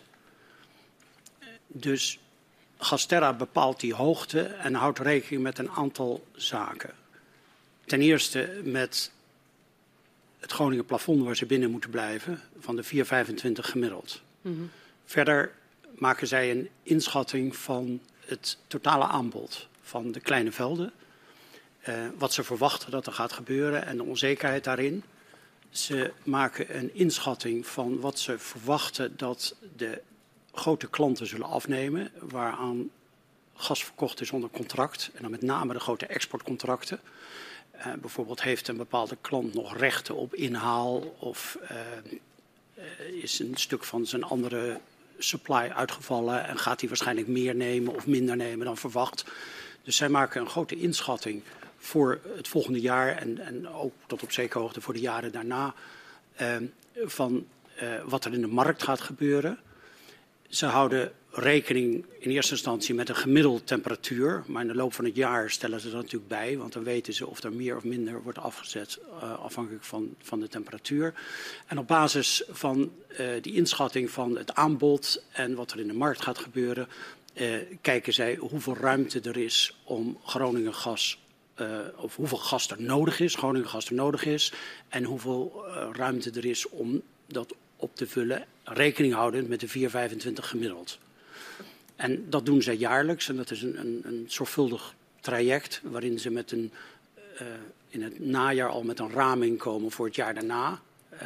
en die wordt dan later natuurlijk bijgesteld, zodat we weten wat, of Gasterra weet, wat er, wat er gebeurt in de markt en ook in het aanbod. Oké, okay, dus Gasterra bepaalt uiteindelijk. Die, die bepaalt het. Ja. Gasterra zit in de driving seat. Ja. ja. In, in 2007 is een relatief lage productie uit Groningen. In, uh, in, het verhoor met de heer Roest uh, hoorden we dat de toenmalige direct, directeur van NAM, de heer Platenkamp, in verband met de aardbevingsrisico's op een lagere productie had gestuurd. Kunt u dit bevestigen? ik herinner me dat niet, dat dat de reden was dat we, dat we lager uitkwamen. En wat herinnert u zich daar wel aan? Uh, nou, ik dacht dat uh, Gasterra in de driving seat zat. En dat Gasterra dus de, de, de, de afname uit het Groningen plafond heeft, uh, was daar verantwoordelijk voor. En Gasterra bestelt dus bij de NAM wat er geleverd moet worden. En dus Gasterra zat daarbij. En Gasterra heeft, voor zover ik kan nagaan daarbij geen lagere afname ingepland vanwege aardbevingen. -hmm. Um, even de context van 2007 te schetsen. In, in, in 2006 zijn er meer dan uh, 40 bevingen in Groningen.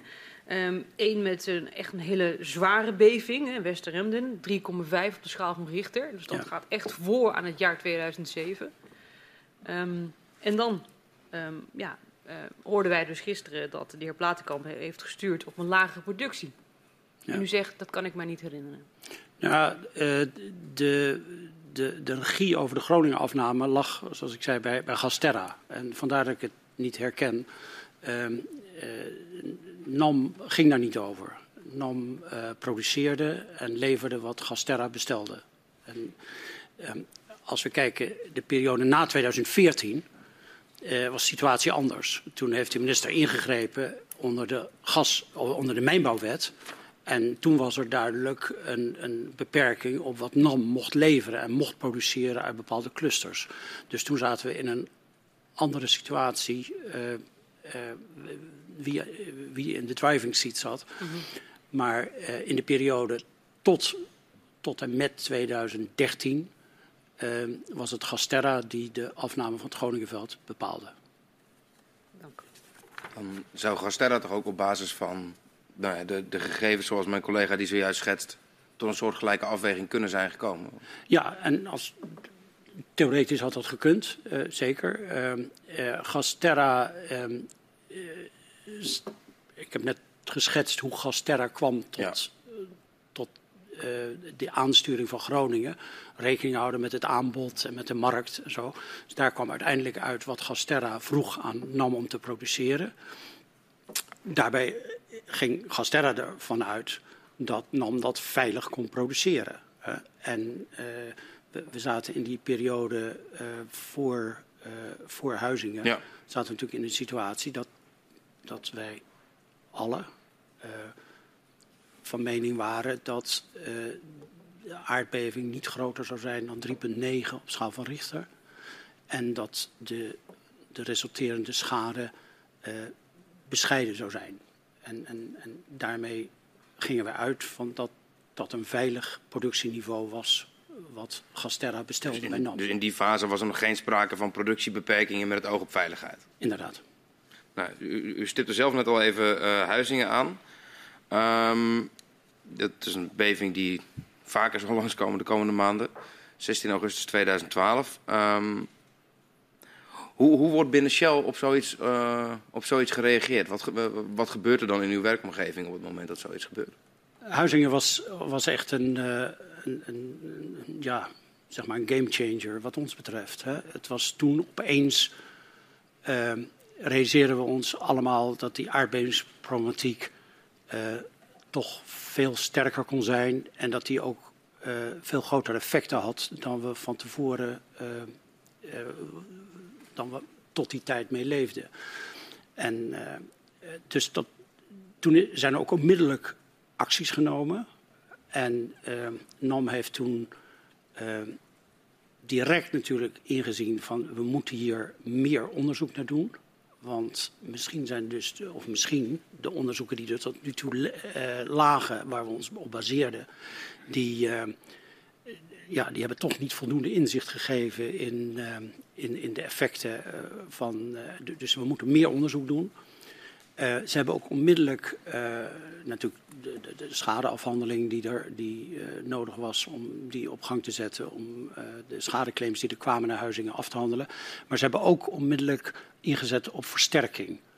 En als we nu praten over versterking, praten we vaak over de enorme ellende die er nu leeft in Groningen rond de grote versterkingsoperaties, waar enorme vertragingen zijn, enorme discussies over uh, hoeveel huizen dat nou betreft.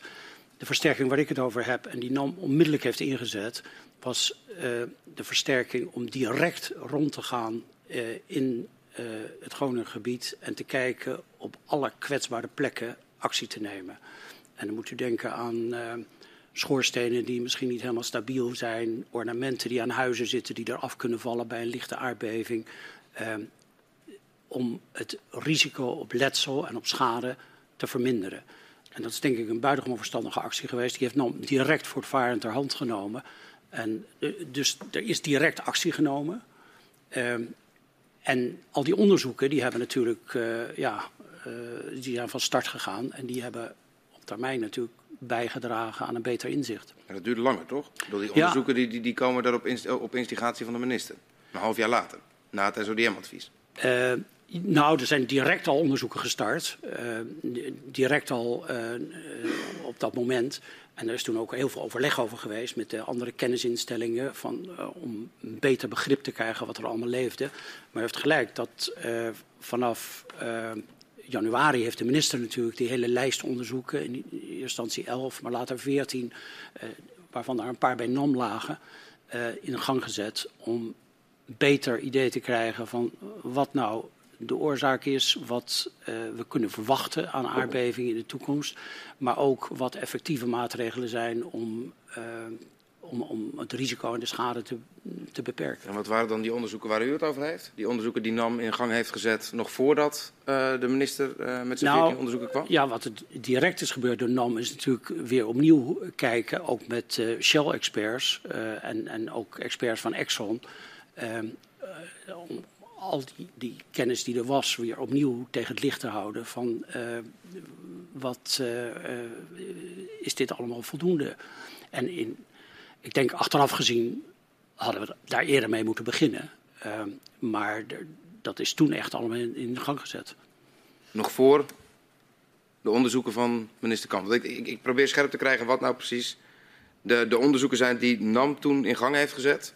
Los van dat onderzoeksprogramma wat de minister uiteindelijk. Nou ja, wat, wat er gebeurde is, er, er kwam natuurlijk, uh, NAM was bezig met een, een, een nieuw winningsplan voor te bereiden. Dat moesten ze indienen voor het eind van het jaar. En, en daarin uh, moest natuurlijk ook de, de aardbevingsproblematiek uh, geadresseerd worden. Dat wordt daar ook in. En daar hebben ze dus heel erg op ingezet om dat tijdig. En ze realiseerden zich toen dat de onderzoeken en het onderzoek waar ze mee bezig waren, dat dat niet. Uh, dat dat nog niet afgerond uh, kon zijn. Hè? Dat er nog uitstaande vragen bleven. En nou, zijn ook daarna zijn die doorgelopen in al die onderzoeken die die, die de minister ook heeft aangekondigd. Ja, 2013 komen we, uh, komen we straks nog, uh, nog op terug. Um, al, eind, al, in september, binnen, binnen een paar weken, um, laat SODM weten uh, aan NAM dat de voorlopige bevindingen zijn dat inderdaad het, het maximum, de maximum magnitude niet langer houdbaar is. Ja. Dus dat de bevingen um, zwaarder kunnen worden. U bent in die tijd volgens mij ook voorzitter van de NAM-raad, als ik me als ik goed geïnformeerd ben. Uh, wat, wat ga, gaat er dan uh, gebeuren in de NAM-raad? Die conclusies die komen binnen. Uh, wat zijn de overleggen die dan plaatsvinden? Ja, daar hebben we in de NAM-raad natuurlijk ook over gesproken. En ook in het college beheer maatschap is er natuurlijk uitgebreid over gesproken. Ehm, er zijn in dat najaar uh, is, er, is er heel veel overleg geweest. En daar werden we dus ja, voorbereid door, door NAM ook. En die, die, uh, die ons dus op de hoogte brachten van die inzichten. Um, er is in dat najaar heel veel overleg geweest tussen NAM, uh, staatstoezicht op de mijnen, maar ook KNMI, TNO, uh, experts van Shell en Exxon, internationale, van onze internationale laboratoria. En daarbij is uh, op vele terreinen consensus bereikt. Dat, dat, werd ons ook gemeld. En u noemde er al één dat uh, de magnitude van de grootste aardbeving uh, niet, niet meer beperkt zou blijven tot 3,9, maar dat dat wel degelijk hoger zou kunnen liggen. En daar was wel consensus over, daar was NAM het ook wel mee eens. dus dat, die conclusie hoorden wij. Want um, dit, dit, dit, raakt natuurlijk de, het hart van de operatie. Op het moment dat uh, er onzekerheid bestaat over de maximale magnitude, dan, dan is dan, nou ja, de license to operate, zoals men dat zo, dan zo noemt, die staat op zo'n moment uh, op het spel. Ja, het was natuurlijk een belangrijke vraag. Kunnen we veilig blijven uh, produceren? En de, op basis van de analyses die NAM toen heeft gedaan, was onze conclusie dat we veilig konden blijven opereren. Met welke, um, veilig, welke waarborgen moesten daarvoor worden uh, ingebouwd?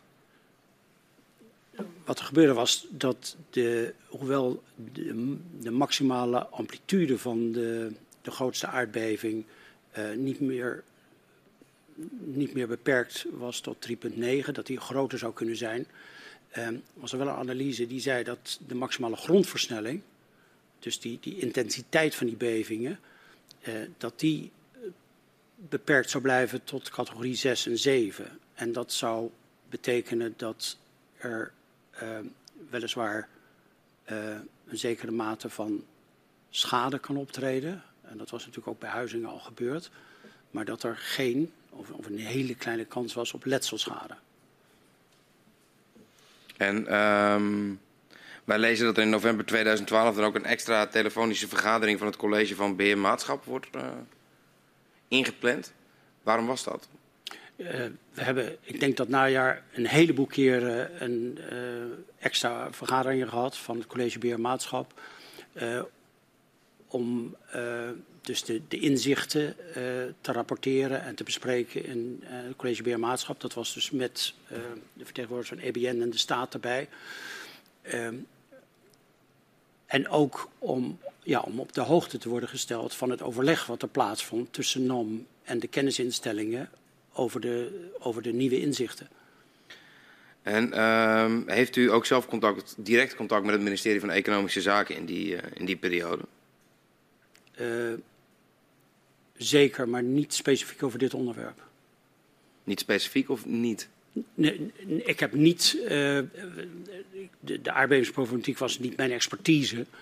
Um, dus ik was niet betrokken bij het overleg wat over de um, de gevolgen van, van, van Huizingen en, en uh, dus het overleg waar ik net aan refereerde, ja. dat werd gevolgd door NAM. Daar ja. zaten verder wel Shell-experts zijn daar ook bij ingeschakeld. Op een gegeven moment ook Exxon-experts.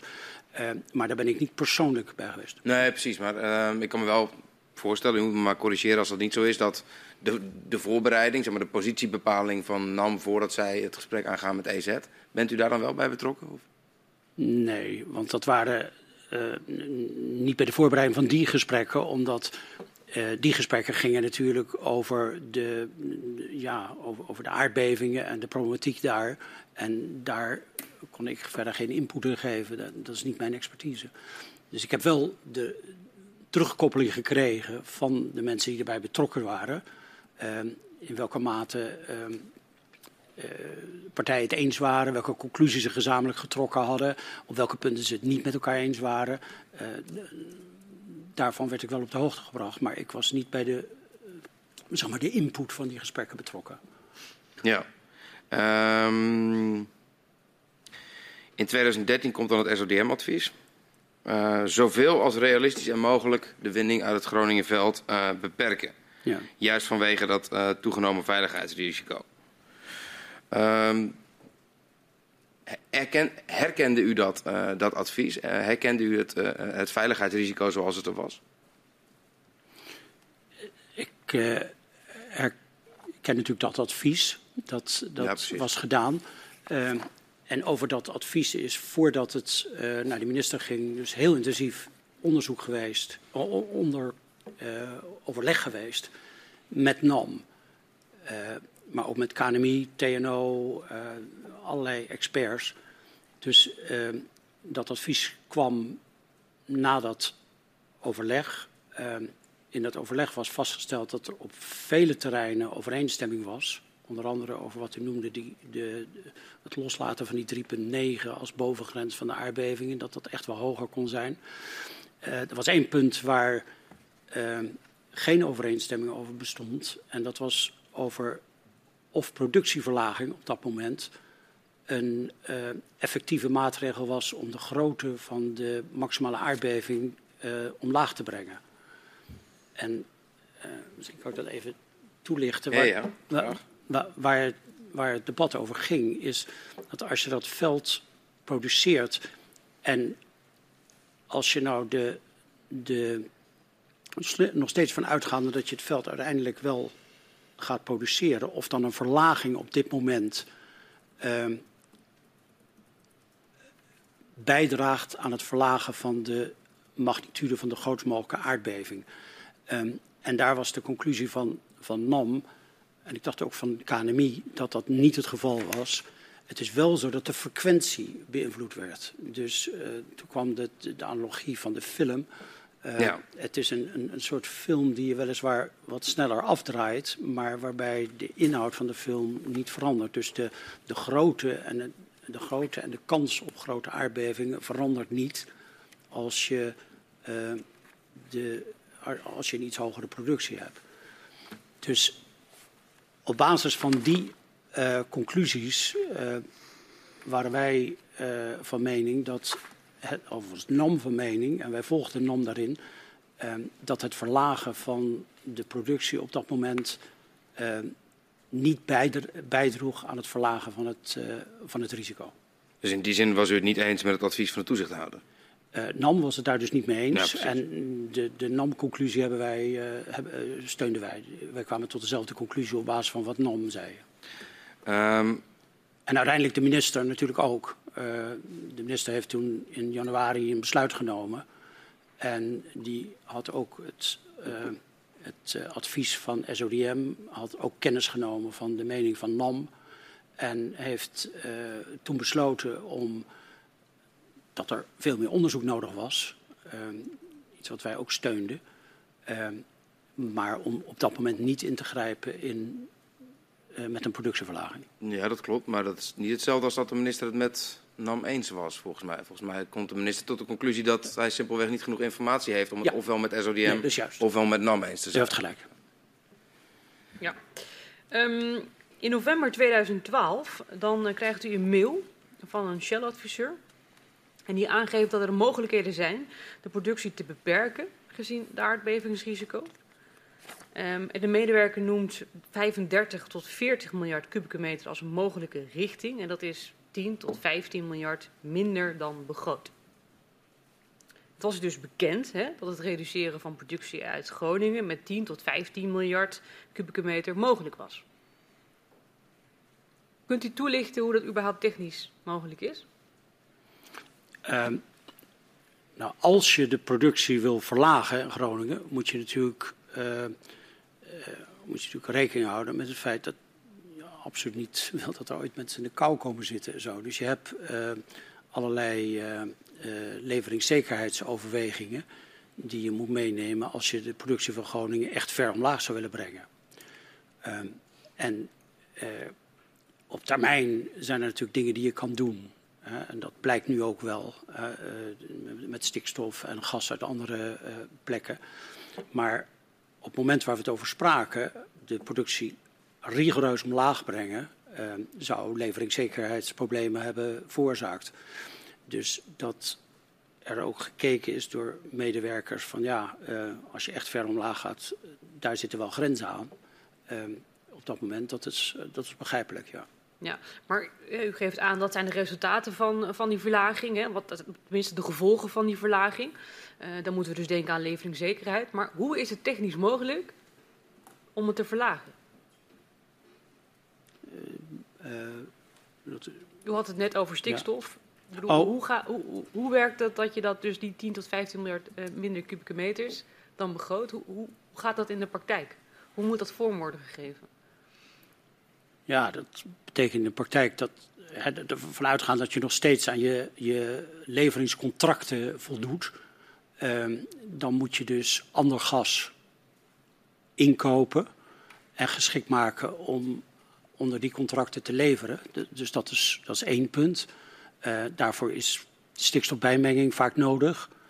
Um, het kan ook zijn dat ik weet de precieze situatie niet meer, maar het kan ook zijn dat je op dat moment nog van bepaalde contracten of verplichtingen af kan. Dat je kan zeggen, nou die ga ik maar even niet leveren. Um, dus Gasterra had natuurlijk een hele verkoopportefeuille. En als je uh, de hoeveelheid Groningen gas daarin uh, flink verlaagt, dan, dan, moet je wel wat doen in die, uh, in die portefeuille. Dan moet je dus of klanten niet meer leveren, of je moet ze nog wel leveren, maar met ander gas, wat je dan gaat inkopen of geschikt maken om aan die contracten te voldoen. En dat andere gas inkopen en geschikt maken, hoe ziet dat eruit? Kunt u dat daar ons in meenemen? Ja, uh, nou, weet, uh, we hebben in Nederland natuurlijk twee gasnetten van twee kwaliteiten. Uh, de ene is de Groningen kwaliteit, die in Nederland ehm, voor alle huishoudens en met name voor de, voor de middelgrote afnemers gebruikt wordt. Ehm, het andere net is helemaal voor het zogenaamde hoogcalorische gas. Dus het Groningen gas is, is qua kwaliteit een afwijking. En dat komt omdat er 14% stikstof in zit. En in bijna alle andere gassoorten op de wereld zit dat niet. Dus het is verder hetzelfde methaan, maar die 14% stikstof die maakt net dat je andere branders nodig hebt. En het gevolg daarvan is dus dat we in Nederland twee netten hebben. En uh, GasUnie, vroeger Gasterra, moet natuurlijk die twee netten uh, beide managen en moet ook de, de, de, de, aan- en afvoer van die twee netten op elkaar afstemmen. Er zijn beperkte mogelijkheden om van het ene uh, net in het andere te gaan of van het andere in het ene te gaan. Daar zijn mogelijkheden bij. Als je dat op grote schaal wil doen, dan moet je dus en op grote schaal meer gas in het Groningen-net wil, wil stoppen. Dan moet je dus hoogkalorisch gas, wat we noemen, waar dus niet dat stikstof in zit, moet je stikstof bijmengen. Ja. En daarvoor heb je een stikstoffabriek nodig. Nou, stikstof is ruim voorradig in de lucht. Dus je hebt een, een zogenaamde luchtsplitter nodig. Die in de lucht zit 80% stikstof. Die haal je uit de lucht. En die stop je dus bij, uh, die meng je bij in het hoogcalorische gas. En dan breng je het dus op Groningen kwaliteit. En dan lever je dat aan de klanten die anders of die Groningen gas nodig hebben. En dat is dus een mogelijkheid om uh, aan de vraag naar Groningsgas te voldoen, zonder dat je echt Groningen gas hebt. Maar ja, daar heb je wel een stikstoffabriek voor nodig. Uh, dus, dus dat is op grote schaal. Op kleinere schaal zijn er ook wel mogelijkheden om tussen de twee uh, netten te balanceren. Je kan wat uh, Groningen gas bijmengen in de, in de hoogcalorische exportstroom. maar die kan je ook stoppen, die bijmenging. En dan hou je Groningen gas over. Ja. ja.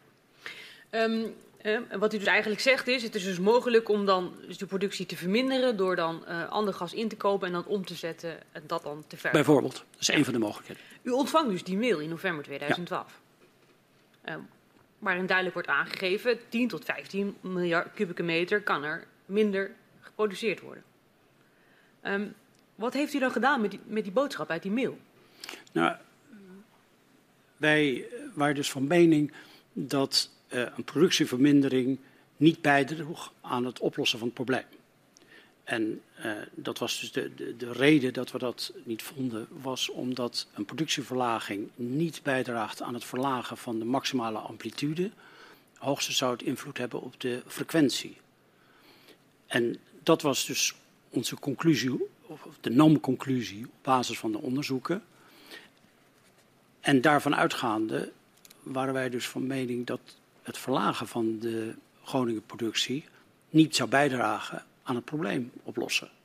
Er waren andere dingen die wel bijdroegen en die, die hebben we wel gedaan. Hè. Dus ik noemde net NAM, de, de versterkingsoperatie die ze deden. Hè. En eh, ook het inzetten op meer onderzoek om een beter begrip te krijgen. Dus er zijn acties genomen om de risico's en op, op letsel en de, de, de, de, de kans op schade te verminderen. Maar het verlagen van de productie werd niet gezien als iets wat bijdroeg om het oplossen van het probleem. En daarom hebben we daar niet voor gekozen. Ja, He, dus, dus eigenlijk zegt u dus, um, minder produceren was geen oplossing voor de situatie die ontstaan was. Nou, het droeg niet bij aan het oplossen van het probleem. Dat, ja. U zat toen in de NAM-raad. Ja. Um, u heeft die mail van uw collega ook niet ingebracht als een onderwerp om met elkaar daarover van gedachten te wisselen. Nou, ik zie die mail. Natuurlijk doen we allerlei onderzoek naar, naar, naar what-if scenario's en zo. Dus we, kijken, zoals altijd, kijk je naar allerlei mogelijkheden. Maar we hebben dat niet ingebracht, omdat wij, uh, als ik zei, van mening waren dat het niet een bijdrage leverde aan het oplossen van het probleem. Hm. Uw collega gaat daarin nog verder, want die suggereert ook uh, in deze mail dat NAM niet op een besluit van de minister hoeft te wachten maar dat de personele unie ook zelf tot een productiebeperking kan besluiten uit veiligheidsoverwegingen. Ja, ja dat, in, dat is absoluut waar. Uh, het, is altijd zo dat een, een operator van een, uh, van een veld, maar dat geldt denk ik uh, de operator van, van, van elke industriële asset, hè, of het nou een, een, een raffinaderij of een fabriek of een, het opereren van een veld of een boorplatform of wat dan ook is als de operator van mening is dat hij niet veilig, niet voldoende veilig kan opereren, dan, uh, dan zal die operatie stoppen. En dat is binnen Shell ook uh, absoluut uh, de richtlijn. En er zijn ook vele situaties binnen Shell geweest waarin het is gebeurd. En dat kost altijd heel erg veel geld en het is altijd heel vervelend. Maar als dat nodig is, dan worden die beslissingen genomen. En er zijn voldoende voorbeelden van dat dat ook gebeurt. Dus als wij echt van mening waren geweest op dat moment dat dit is niet een voldoende veilige operatie, dan uh, had de operator, in casu NAM, had, had ingegrepen en gezegd, we stoppen de operaties. Ja, dus, dus eigenlijk uh, kunnen we hieruit concluderen dat binnen Shell in november 2012 bekend is dat er een forse reductie van gaswinning uit Groningen technisch mogelijk is. Maar dat Shell ervoor kiest om dat standpunt niet zelf op tafel te leggen. Uh, een, een, verlaging van de, van de productie was technisch mogelijk, zeker. Daar een aantal stappen voor moeten gedaan, maar dat, dat had gekund tot op zekere hoogte. Want uh, op een gegeven moment kom je natuurlijk in een gebied waarbij, uh, omdat dat die stikstoffabrieken er nog niet waren, je, je, kon het niet in één keer naar een heel laag niveau brengen. Maar een zekere mate van verlaging was, was ongetwijfeld mogelijk geweest op dat moment. Ja, ja maar vervolgens technisch mogelijk, maar niet op tafel gelegd door Shell. Ja, en de reden daarvoor was uh, dat wij niet zagen dat dat een bijdrage zou leveren aan het oplossen van het probleem. Okay. En, en, daar waren we voor. We wilden gewoon het probleem oplossen. Oké, okay, dank. Uh, nog heel even kort over, over die overtuiging. Over de overtuiging dat uh, productiebeperking niet zou bijdragen aan een uh, meer veiligheid. Om het even zo te zeggen. Was dat nou um, ingegeven vanuit al het onderzoek wat u tot dan toe gedaan had? Of was dat vooral ingegeven uit angst voor een soort precedentwerking? Want als je begint aan productieinperking en je erkent een relatie met de veiligheid, dan is daarna is minder winnen altijd veiliger. Snap u wat ik bedoel? Ja, ik begrijp goed wat u bedoelt. Nou, wat ons betreft ging het, en ik praat over die fase, ja, ja. Die, waar dat een productieverlaging op dat moment, hè, uh, dat die gewoon echt niet zou bijdragen. Dat die dus de, en en de, de bijdrage zou moeten zitten in het verkleinen van de grootst mogelijke, of van, van, van het risico op grote aardbevingen. Hè. Uh, dus de, de, de grootte van die aardbeving, die kleiner maken, ja, daar, daar zou het niet aan bijdragen. En dan zeg je, ja, dan, dan heeft het geen zin om die stap te nemen. Dat, dat deel snap ik, maar we hebben het voor de pauze enige tijd geleden gehad over, uh, over de zorgplicht in de mijnbouwwet. Uh, alle maatregelen die redelijkerwijs gevergd kunnen worden om schade door bodembeweging te beperken, om uh, de veiligheid te waarborgen. We zien dat er op dat moment al een advies ligt van SODM, de toezichthouder, die zegt in het belang van de veiligheid is er nu zoveel als mogelijk productiebeperking ja. nodig. Vindt u het dan niet heel mager dat op het moment dat het voorligt en het ligt technisch mogelijk en het staat in de wet en het is het advies van de toezichthouder, dat NAM dan tot de conclusie komt, dat is mooi, maar wij geloven niet dat het werkt. Ja, toch was dat de situatie. NAM kwam dat tot de conclusie uh, dat het dus niet zou bijdragen. De, en ik heb het specifiek over de productieverlaging. Hè, ja, ja. Over een heleboel andere punten waren ze het gewoon wel eens. Met, met, uh, kwamen ze tot dezelfde conclusies als SODM. Maar specifiek op het gebied, op het punt van de productieverlaging was NAM een andere mening toegedaan. NAM stond daar overigens niet in alleen. Uh, dus ook het KNMI, uh, die was ook betrokken bij dat overleg. Dus het, het was niet zo dat NAM daar is een eentje...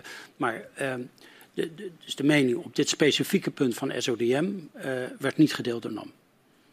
Nee, dat, dat, snap ik. En dat, dat, dat kan natuurlijk, dat er verschillen van, van opvatting zijn. Ik, ik weet dat het op dat moment niet gedeeld wordt. Um, maar ik snap niet waarom dan dit soort belangrijke zaken, zoals de mogelijkheid tot productiebeperking. Wanneer u weet dat bijvoorbeeld de toezichthouder de mening is toegedaan, dat het wel degelijk uitmaakt. Ja. Daar is een conflict over, daar moet misschien meer onderzoek over plaatsvinden, dat kan zo zijn. Maar op het moment dat de toezichthouder de mening is toegedaan dat het veilige kan. Ja. Op het moment dat technisch die mogelijkheden er ook zijn, op het moment dat je als operator toch ook het voorzorgsprincipe wilt hanteren, dan snap ik niet waarom dat niet eens ter tafel komt. Ja, niet eens ter tafel komt. Uh, over het punt van de productieverlaging is natuurlijk ook gesproken. Of dat een maatregel was die, uh, die zou helpen. Maar, maar ja, het advies was nee, dat, dat draagt niet bij. Het advies van NAM? Advies van NAM, maar, maar wel gebaseerd op die bredere discussies die hadden plaatsgevonden en het, het onderzoek wat aan ten grondslag lag. Dus het was niet zo dat dit zomaar een, een, mening was die nergens op gebaseerd was. Er was wel degelijk goed naar gekeken, allemaal experts bij geweest. En het was niet alleen SODM die daarnaar gekeken heeft, maar ook KNMI en TNO en zo. Dus NAM stond daar niet in alleen. Dus uh, het, het, het, beeld van die, die, uh, die, die versnelde film uh, was, was eigenlijk. Uh, dus waar we het wel mee eens waren, is dat de frequentie op aardbevingen zou kunnen toenemen, of zou toenemen bij, bij hogere productie ten opzichte van lagere productie, maar dat de grootte van de bevingen niet zou worden beïnvloed daardoor. En zou vlak na een zware beving de frequentie van het aantal aardbevingen niet al in het kader van de zorgplicht reden genoeg moeten zijn? Ja, eh, kijk, als je uiteindelijk toch dezelfde productie hebt, maar je smeert het uit over een, een langere periode, dan, dan heb je materieel heb je niks gewonnen. Ik ben geen bouwkundige, dat kan, ik, kan het, ik kan het voor gebouwen lastig inschatten. Nee, maar als je, als je dus dezelfde bevingen krijgt, maar. maar Korter op elkaar. Oh, iets dichter op elkaar dan anders. Uh, dan, uh, dan, dan heeft dat uh, materieel geen is er geen verschil. Dus wij, op basis daarvan zeiden wij, ja, het draagt niet bij aan het oplossen van het probleem. Dan gaat het, um, dat klinkt gek, maar het werk gaat ook door. Er komt ook 2013 aan, er moet een nieuw winningsplan uh, worden, uh, worden vastgesteld. En in december 2012 stemt u als lid van de Raad van Commissarissen in met een businessplan voor Gasterra voor 2013. Ja. Um, 48,9 miljard kubieke meter uit het Groningenveld zal worden afgenomen. Ja. Um, was dat met, met, met diezelfde overweging in het achterhoofd? Want dat was een, hoger, uh, een hogere winning dan het jaar daarvoor. Ja, dat moet ik misschien even toelichten. Uh, als, uh, kijk, we, de systematiek was, we hebben het voor de pauze ook al even over gesproken, dat Gasterra jaarlijks een businessplan maakt, waarbij ze dus al die zaken meenamen. Binnen het Groningen plafond was ook nog ruimte. Hè? Want we, hadden, we zaten daar flink onder. Dus ja. er was, uh, u zegt die, die 49 miljard, of wat was het, 48,9 uh, miljard, die, die uh, ligt weliswaar boven het gemiddelde plafond, maar we zaten, we zaten nog flink eronder. Dus in de bestaande systematiek was uh, wat, wat Gasterra dan doet, is het meenemen van een inschatting van de afname van klanten het aanbod van kleine velden, een gemiddelde temperatuursverwachting voor volgend jaar. En op die basis kwamen ze tot een behoefte aan Groningen gas van uh, ongeveer 49 miljard kubieke meter. Uh, en daar is dus geen, niet rekening gehouden met een productiebeperking als bijdrage aan het oplossen van de problematiek. Dat Wordt het nog wel besproken daar dan? Hoe moet ik dat, hoe moet ik dat voor me zien, zo'n zo vergadering? Het is december 2012. Ja. Het zit midden in die discussie. Ja die houdt er niet op bij de voordeur van zo'n vergaderzaal, lijkt me. Nee, ik denk dat er toen en ook daarna, uh, in de loop van het jaar, uh, is er natuurlijk gesproken over het, uh, over het productieniveau in dat jaar 2013. Want inmiddels had, of vlak daarna, heeft in januari natuurlijk de minister een ja. besluit genomen om al die onderzoeken in, in gang te zetten. En ook te zeggen, ik ga een besluit nemen ten aanzien van de productie over, via het winningsplan in, aan het eind van 2013. Ja. En dat is ook gebeurd uiteindelijk. Maar gedurende. Maar dat speelt dan nog niet. Wat zegt u? Dat speelt dan nog niet. Dat speelt dan nog niet, nee. nee. Dus we zitten dan nog in het regime zoals we dat eigenlijk al een hele tijd hadden, waar je te maken hebt met de gaswet. Waarbij dus ja. Gasterra zegt wat de productie is uit Groningenveld. En voor het jaar 2013 is dat natuurlijk uh, erg hoog uitgepakt. En dat, dat, uh, ja, dat, dat is natuurlijk uh, in het kader wat er daarna allemaal gebeurd is. En ook de, de, de gevoelens van, van de onzekerheid bij de Groningers. Uh, heeft dat allemaal absoluut niet bijgedragen. Dat, of heeft bijgedragen aan die gevoelens van onzekerheid en, en, en, en, en, en ook woede bij, bij Groningers. Ook in het kader van wat er daarvoor gebeurd is. Huizing is dan net geweest. Huizing is dan geweest. Maar dat was dus gebaseerd op het feit dat uh, uh, er door de minister in ieder geval de conclusie is getrokken dat we voor 2013 die onderzoeken moeten doen. Ja. Maar lopende dat er geen productiebeperking uh, ja, dat, wordt opgelegd. Dat snap ik, maar er werd net ook al gerefereerd aan de mail dat, uh, dat men er zelf ook toe kan besluiten uh, ja. om het lager te doen. Ik kan me ook voorstellen dat, dat tijdens zo'n vergadering er iemand is die zegt van nou dat recht op inhaal, we zaten ondergemiddeld. Misschien is dit niet het juiste jaar om, om, om die inhaalslag te gaan maken. Ja, dat. Uh, Gasterra had. Natuurlijk helemaal los van de bevingsproblematiek. hadden wij bij Gasterra de, toch de opdracht. om het Groningse gas zo goed mogelijk, zo economisch mogelijk te, te vermarkten. En eh, zolang er dus niet een productiebeperking uh, aan de orde is door of de minister onder de mijnbouwwet, of doordat de operator zegt het is onvoldoende veilig, en dat, die conclusie had NAM als operator niet genomen, uh, zaten we onder het, ja, het, het, het bestaande systeem van zeg maar, het bestendige beleid van Gasterra ja. om de hoeveelheid Groningen afname af te stemmen op ja, in ieder geval binnen het plafond blijven, rekening houden met alle afzetverplichtingen die we hebben, rekening houden met het kleine veldenbeleid ja. en daarbinnen Groningen te bestellen binnen maar, al die constraints. Als ik het goed begrijp, is onderdeel van uw functie toch juist om, om de winnings- en de handelskant te, te coördineren en die zin bij, bij, elkaar te brengen. En dan, dan uh, als er dan zoveel waarschuwingen zijn aan de winningskant, dan probeer ik er een beeld bij te vormen in hoeverre u of iemand anders vanuit die coördinerende functie die zorgen uit de winningskant, of in ieder geval vanuit de toezichthouder op de winningskant, hoe die een weg vinden naar, uh, uh, naar het handelshuis. Nou, wat er dus gebeurde is dat NAM zei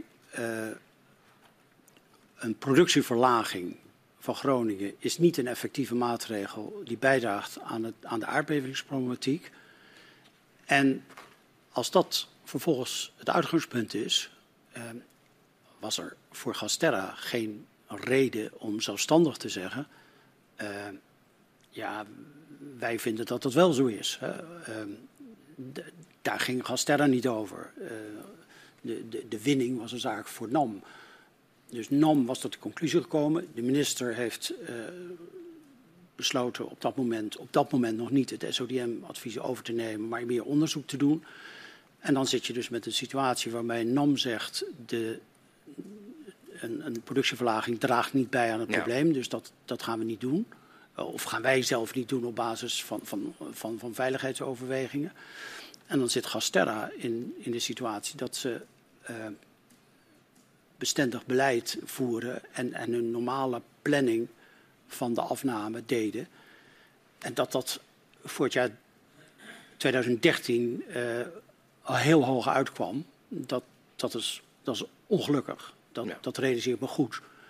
Maar het was wel in lijn met wat. Uh, met, met de, de, de, de logica hoe het Groningen uh, afnameprofiel tot stand ja. kwam uh, in, in de hele periode daarvoor, tot de minister in 2000, uh, voor 2014 en latere jaren ingreep. Ja, maar de rol van Gasterra op dat moment is in principe dan dus gewoon, zolang het mag, doen zij het. Ja, maar dan moet ik wel even zeggen dat, dat uh, ze, ze, moesten natuurlijk een, die portefeuille managen. Maar er gebeurde natuurlijk wel wat in het jaar. Hè? Ja. Het was een heel koud voorjaar. Er was een lage uh, kleine veldenproductie. En wat heel belangrijk was, uh, het bleek dus dat onze exportklanten, en met name onze grootste exportklant, extreem veel gas afnam in 2013. Ehm, dus ja, en dat gebeurde gewoon. Wat gebeurt er dan in de loop van het jaar? Want bedoel, we hadden het net al even over het goedkeuring van het businessplan voor 2013. U verwijst al een paar keer naar wat er in dat jaar gebeurt. Ja. Ongelukkig een nog verdere overschrijding van een toch al hoge winning ja. uh, in dat jaar.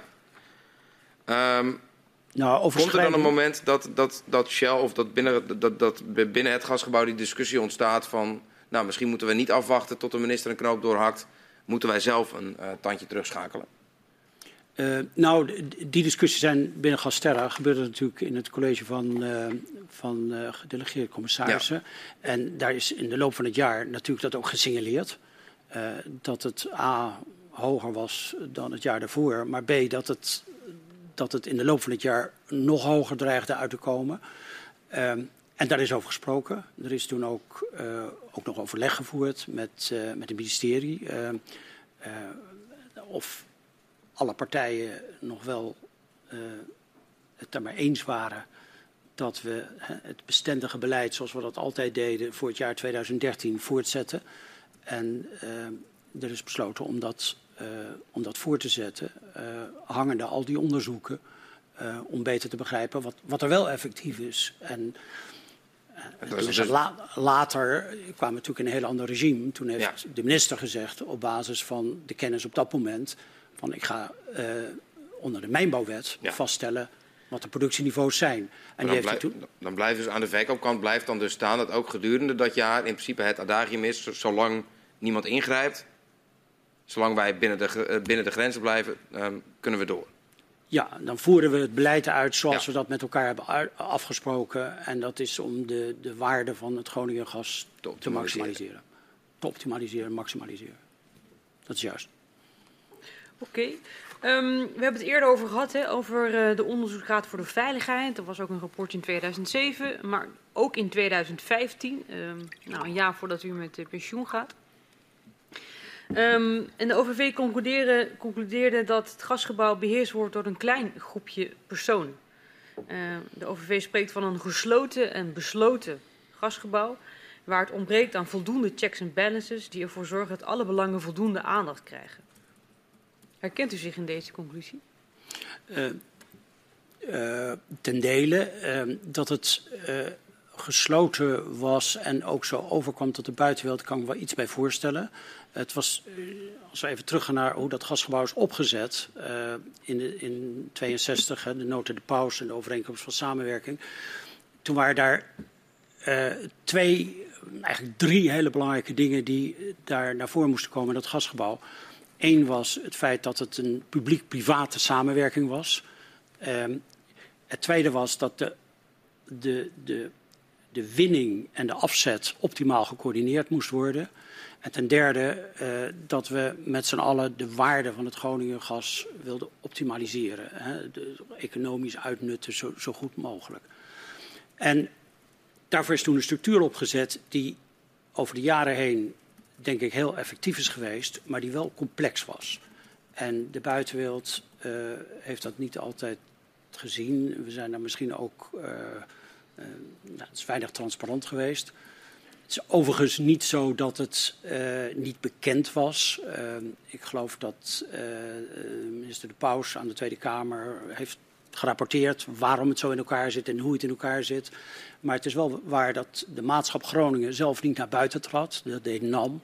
Dus er was afgesproken, de maatschap is, is, speelt op de achtergrond, heeft wel de besluitvorming tussen de staat en, en de oliemaatschappijen, maar treedt zelf niet naar buiten, dat doet NAM. En uh, ook die personele unie, dat heeft allemaal toch wel bijgedragen tot een gevoel, wat ook de OVV uh, uh, verwoordt, uh, dat het een beetje gesloten is en zo. Maar dat was wel effectief. Niet zozeer dat het gesloten was, maar wel dat, het, dat er nauw werd samengewerkt tussen de partijen in het gasgebouw. dat er relatief weinig invloed van buiten is geweest, dat kan ik op één punt een beetje herkennen.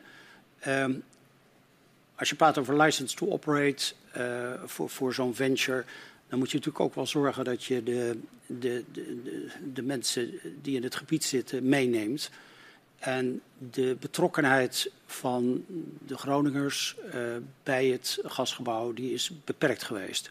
Tot, uh, ik dacht, tot de splitsing was de commissaris van de koningin, nu van de koning, was uh, voorzitter van het college van, uh, van, de, van de Raad van Commissarissen van Gasterra, van Gasunie. En dat is daarna gestopt. Dus er was niet een directe betrokkenheid van Groningse bestuurders bij de afwegingen die in het gasgebouw werden gemaakt. niet als toezicht of als, als toehoorder of zo. En ja, dat, dat dat misschien, of misschien, ik denk dat dat beter was geweest als we vanaf het begin af aan ook Groningen een plek hadden gegeven. In ieder geval dat ze beter hadden gezien welke afwegingen worden gemaakt en, uh, en hoe het draaide. Daarnaast heeft uh, Groningen natuurlijk ook niet echt op grote schaal meegedeeld in de voordelen van de, de gaswinning. Um, en ook daar, we, we, hebben zeker in de laatste fase er gepleit voor als Shell voor een zekere mate van gasdeling. Dat ook veel van de voordelen uh, of een stuk van de voordelen van de, de, de opbrengst uh, aan, aan de Groningse community ten, mm -hmm. ten goede komen. Dat is wel op uh, bescheiden schaal gebeurd na het bestuursakkoord. Maar ik denk als je terugkijkt, was het goed geweest als dat misschien eerder was gebeurd. En de noordenkorting die gisteren naar voren kwam, was wel heel bescheiden. Dat, nou, Oké. Okay. Ik ga het woord geven aan mevrouw Tien. Ja, dank u wel. Ik heb nog een paar vragen. Um, eerst wil ik nog even met u terug naar die onderhandelingen over het tien jaar plafond. We hebben ja. het toen gehad over uh, het kleine veldenbeleid. Uit onze stukken blijkt dat uh, zowel Shell als Exxon eigenlijk wel graag wilden dat Gasterra van dat kleine veldenbeleid afstapte. Wat kunt u ons daarover vertellen? Ja, uh, kijk, als het aan ons had gelegen. We, de, de kleine veldentaak was een publieke taak. Dus dat is een, een, een, een, wens van de overheid om een publieke taak middels een, een privaat bedrijf uit te laten voeren. En het is een legitieme wens van de overheid om dat te willen. Als uh, private partijen zaten wij niet te springen op die taak. Hè? Maar dat neemt niet weg dat als je in een joint venture zit en je zit in een joint venture met de overheid, dat als de overheid iets wil, en uh, het was natuurlijk een taak die traditioneel vanaf de opzet van het gasgebouw altijd bij GasUnie had gelegen. En toen die markt liberaliseerde, waren wij van mening dat die taak uh, niet meer absoluut noodzakelijk bij, bij één partij moest liggen. Uh, um, en, en, en, de taak in deze was het doen van een aanbod aan kleine veldenproducenten om dat in te kopen. Uh, maar het was een heel duidelijke wens van de, van de overheid. En uh, wij hebben. Uh, wij konden daar best mee akkoord gaan. Ja. Als je in een joint venture zit en een van de partijen willen iets en hebben daar goede redenen voor. En zelf zou je het misschien niet doen, maar als je in een samenwerking zit, dan moet je uh, daar gevoelig voor zijn. En, en we groot, zijn ermee akkoord gegaan. Hoe groot was de rol van uw wens om daar eigenlijk van af te stappen in die onderhandelingen over dat tien jaar plafond? Nou, ik het was voor ons niet een, een, een breekpunt of zo, van dat mag er absoluut niet in komen. Nee, het, het, was, het was niet onze wens om dat voor te zetten. Wij waren ook van mening dat die kleine velden inkoopverplichting voor niet meer absoluut noodzakelijk was. Want wij dachten, uh, de operator van een klein veld heeft ook wel andere mogelijkheden om dat gas uh, in de markt te zetten. Misschien met een lagere prijs, maar... Uh, uh, maar goed, het, het, het, was iets wat de overheid graag wilde continueren uh, in, in, uh, op termijn. En okay. het was niet onze keuze, maar we hadden er niet een, een doorslaggevend probleem mee. Nee. En u bent uiteindelijk akkoord gegaan met het resultaat van die Absoluut, onderhandeling? Ja. ja. En dan maakt dat sprongetje in de tijd naar het najaar van 2012. Is al veel over gezegd bij het vaststellen van de doelstellingen voor de uh, gasverkoop en dus ook productie in 2013. Um, is er nog op tafel geweest, want eh, meneer Quint en mevrouw Kat hebben denk uitgebreid eh, op doorgevraagd, maar is nog op tafel geweest om in ieder geval uh, 2012 als een soort van winningsplafond, noem ik het maar eventjes, vast te houden voor 2013? Is dat nog overwogen? ik denk dat het antwoord nee is, omdat elk jaar heeft helemaal zijn eigen dynamiek. Dus binnen die grenzen die ik zei, hè, enerzijds dus dat Groningen plafond, maar ook de inschatting per jaar, eh, daar was het voortzetten van een, een, een, afname van het jaar daarvoor was niet een logische stap, omdat het kleine veldenaanbod is niet hetzelfde als het jaar daarvoor. De afname-indicaties uh, die we krijgen van, van exportklanten is niet hetzelfde als het jaar daarvoor de inschatting van de temperatuur zal een gemiddelde zijn, maar is niet hetzelfde van wat de realisatie van het jaar ervoor is geweest. Dus uh, de logica van het was zoveel het jaar daarvoor, dus dat gaan we volgend jaar ook doen, die was in de Gasterra-systematiek er, niet. Ja. Dus we deden echt elk jaar een, deed Gasterra en, en met met uh, ondersteuning van de aandeelhouders natuurlijk, maakte een planning op basis van die dingen. Maar dat was niet niet een logica. Het was vorig jaar dit, dus dat is ook logisch voor dit jaar. Nee. Alleen was het toen een andere tijd, want u zat ook tussentijds met andere partijen aan tafel, zoals SODM, KNMI, TNO, uh, uh, om Ja. te kijken wat überhaupt die uh, aardbeving in Huizingen voor effect had gehad. En u gaf die metafoor van de film. En u zei van ja, productieverlaging, het was een optie. Uh, maar het zou de magnitude niet, uh, dus de kracht van de aardbeving niet verlagen. Maar het zou wel kunnen vertragen. En u had die metafoor van die Ja. vertraagd af afgespeelde uh, film. Wat is dan de overweging geweest om ook dat effect, wat hè, mi- minder vaak een beving zou ook minder vaak uh, schade opleveren. wat is de overweging geweest om dat eigenlijk uh, niet meer mee te nemen in die afwegingen? Nou ja, wat, wat er dan gebeurt is, als die film trager af is, de bevingen die er zullen komen, zullen sowieso komen. Alleen de frequentie, uh, of hoe snel ze zullen komen, uh, kan daar beïnvloed worden. Maar, maar wat er komt, komt er uiteindelijk toch.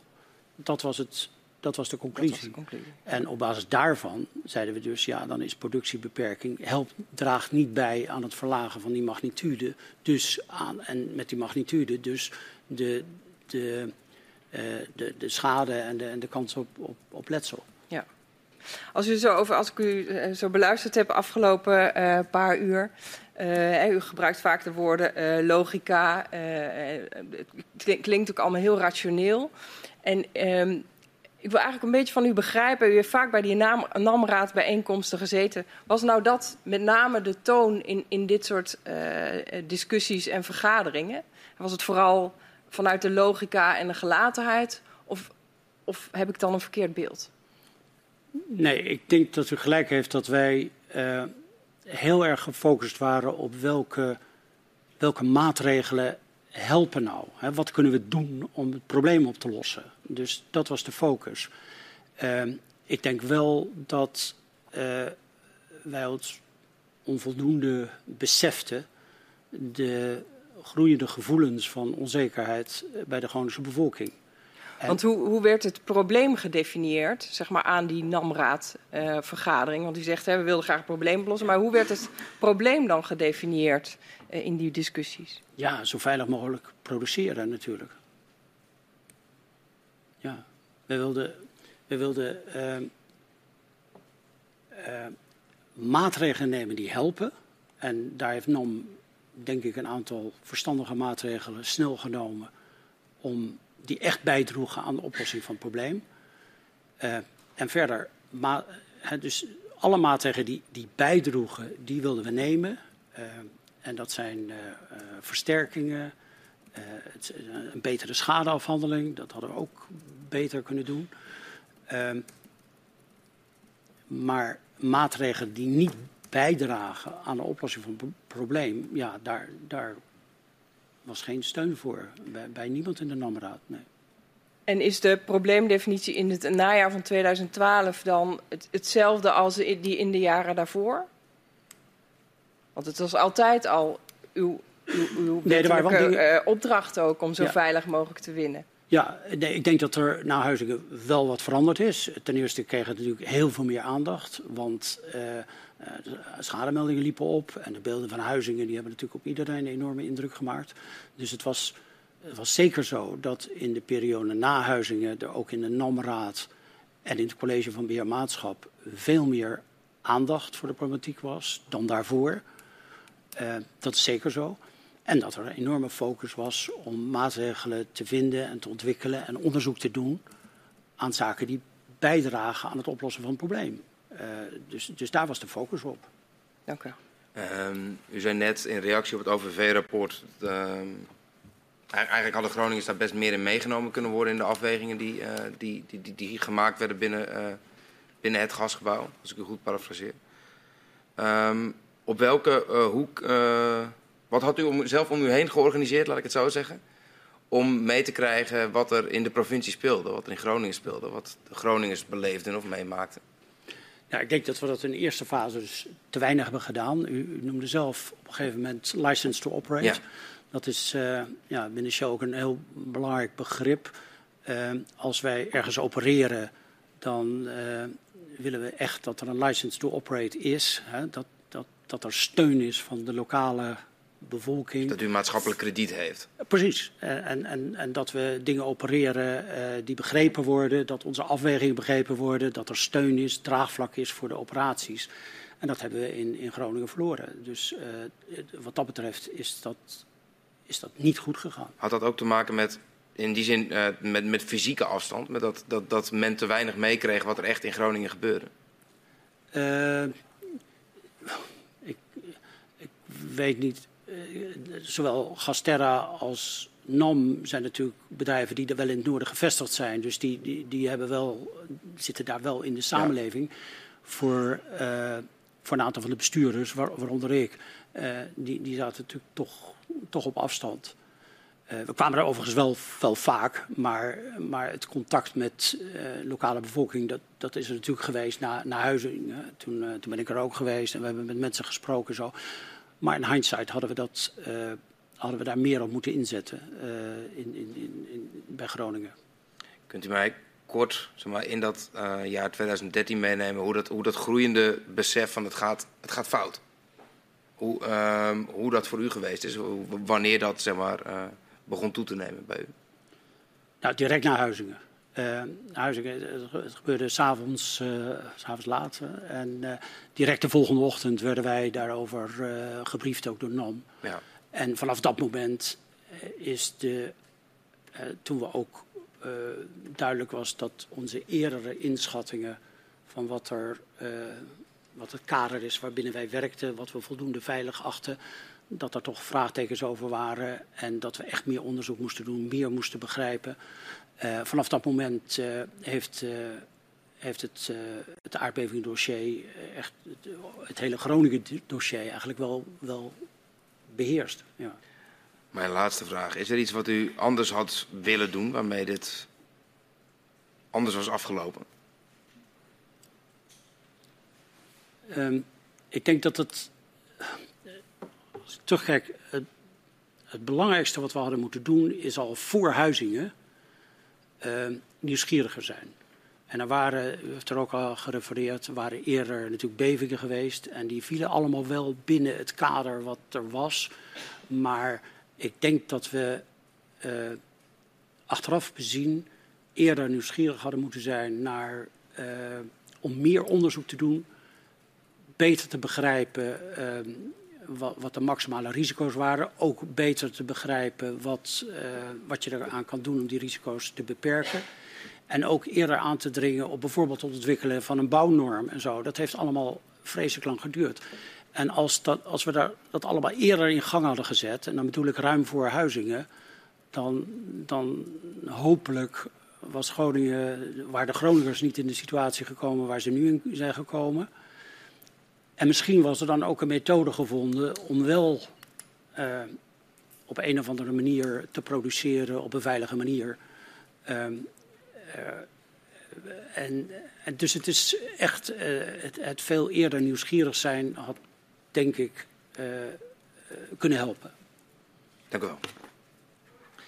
Ja, we gaan het gesprek afronden, maar ik heb toch nog één vraag. En dat is omdat u uitlegt uh, dat de, op dat moment in de tijd, uh, najaar 2012, de opvatting was uh, bij NAM dat het sprake zou zijn van de snelheid van het afdraaien van een film. Ja. Dus de hoogte van de productie heeft invloed op de snelheid waarmee bevingen elkaar opvolgen. Dat bedoelt u daarmee? Ja. Tegelijkertijd zijn er andere maatregelen nodig. Die, die heeft u zelf genoemd. Versterken, schadeafhandeling, maar ook onderzoek doen. Die kosten allemaal tijd. Is er vanuit het logisch denken ook nog gedacht, ja, misschien is het wel goed om te zorgen dat de bevingen elkaar minder snel opvolgen, zodat er tijd is om schade af te handelen, versterking te doen en het noodzakelijke onderzoek te verrichten.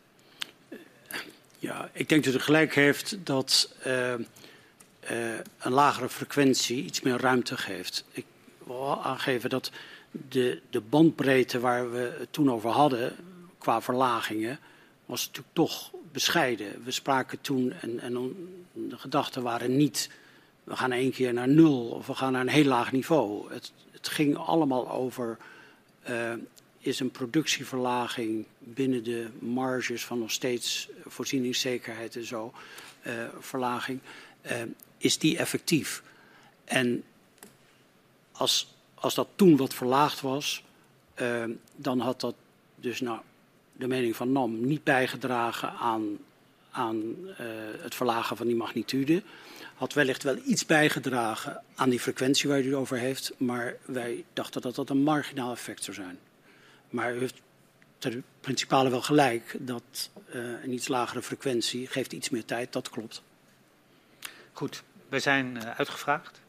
Dank voor uh, uw antwoorden en ik vraag aan de griffier om u en uw begeleider, de heer Koopman, naar buiten te brengen.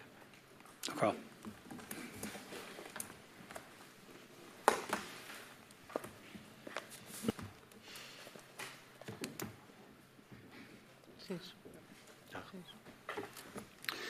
Uh, ik sluit de vergadering. Wij gaan wel verder straks om kwart over twee met het voor van de heer De Haan. Twee uur. Nee, kwart over twee.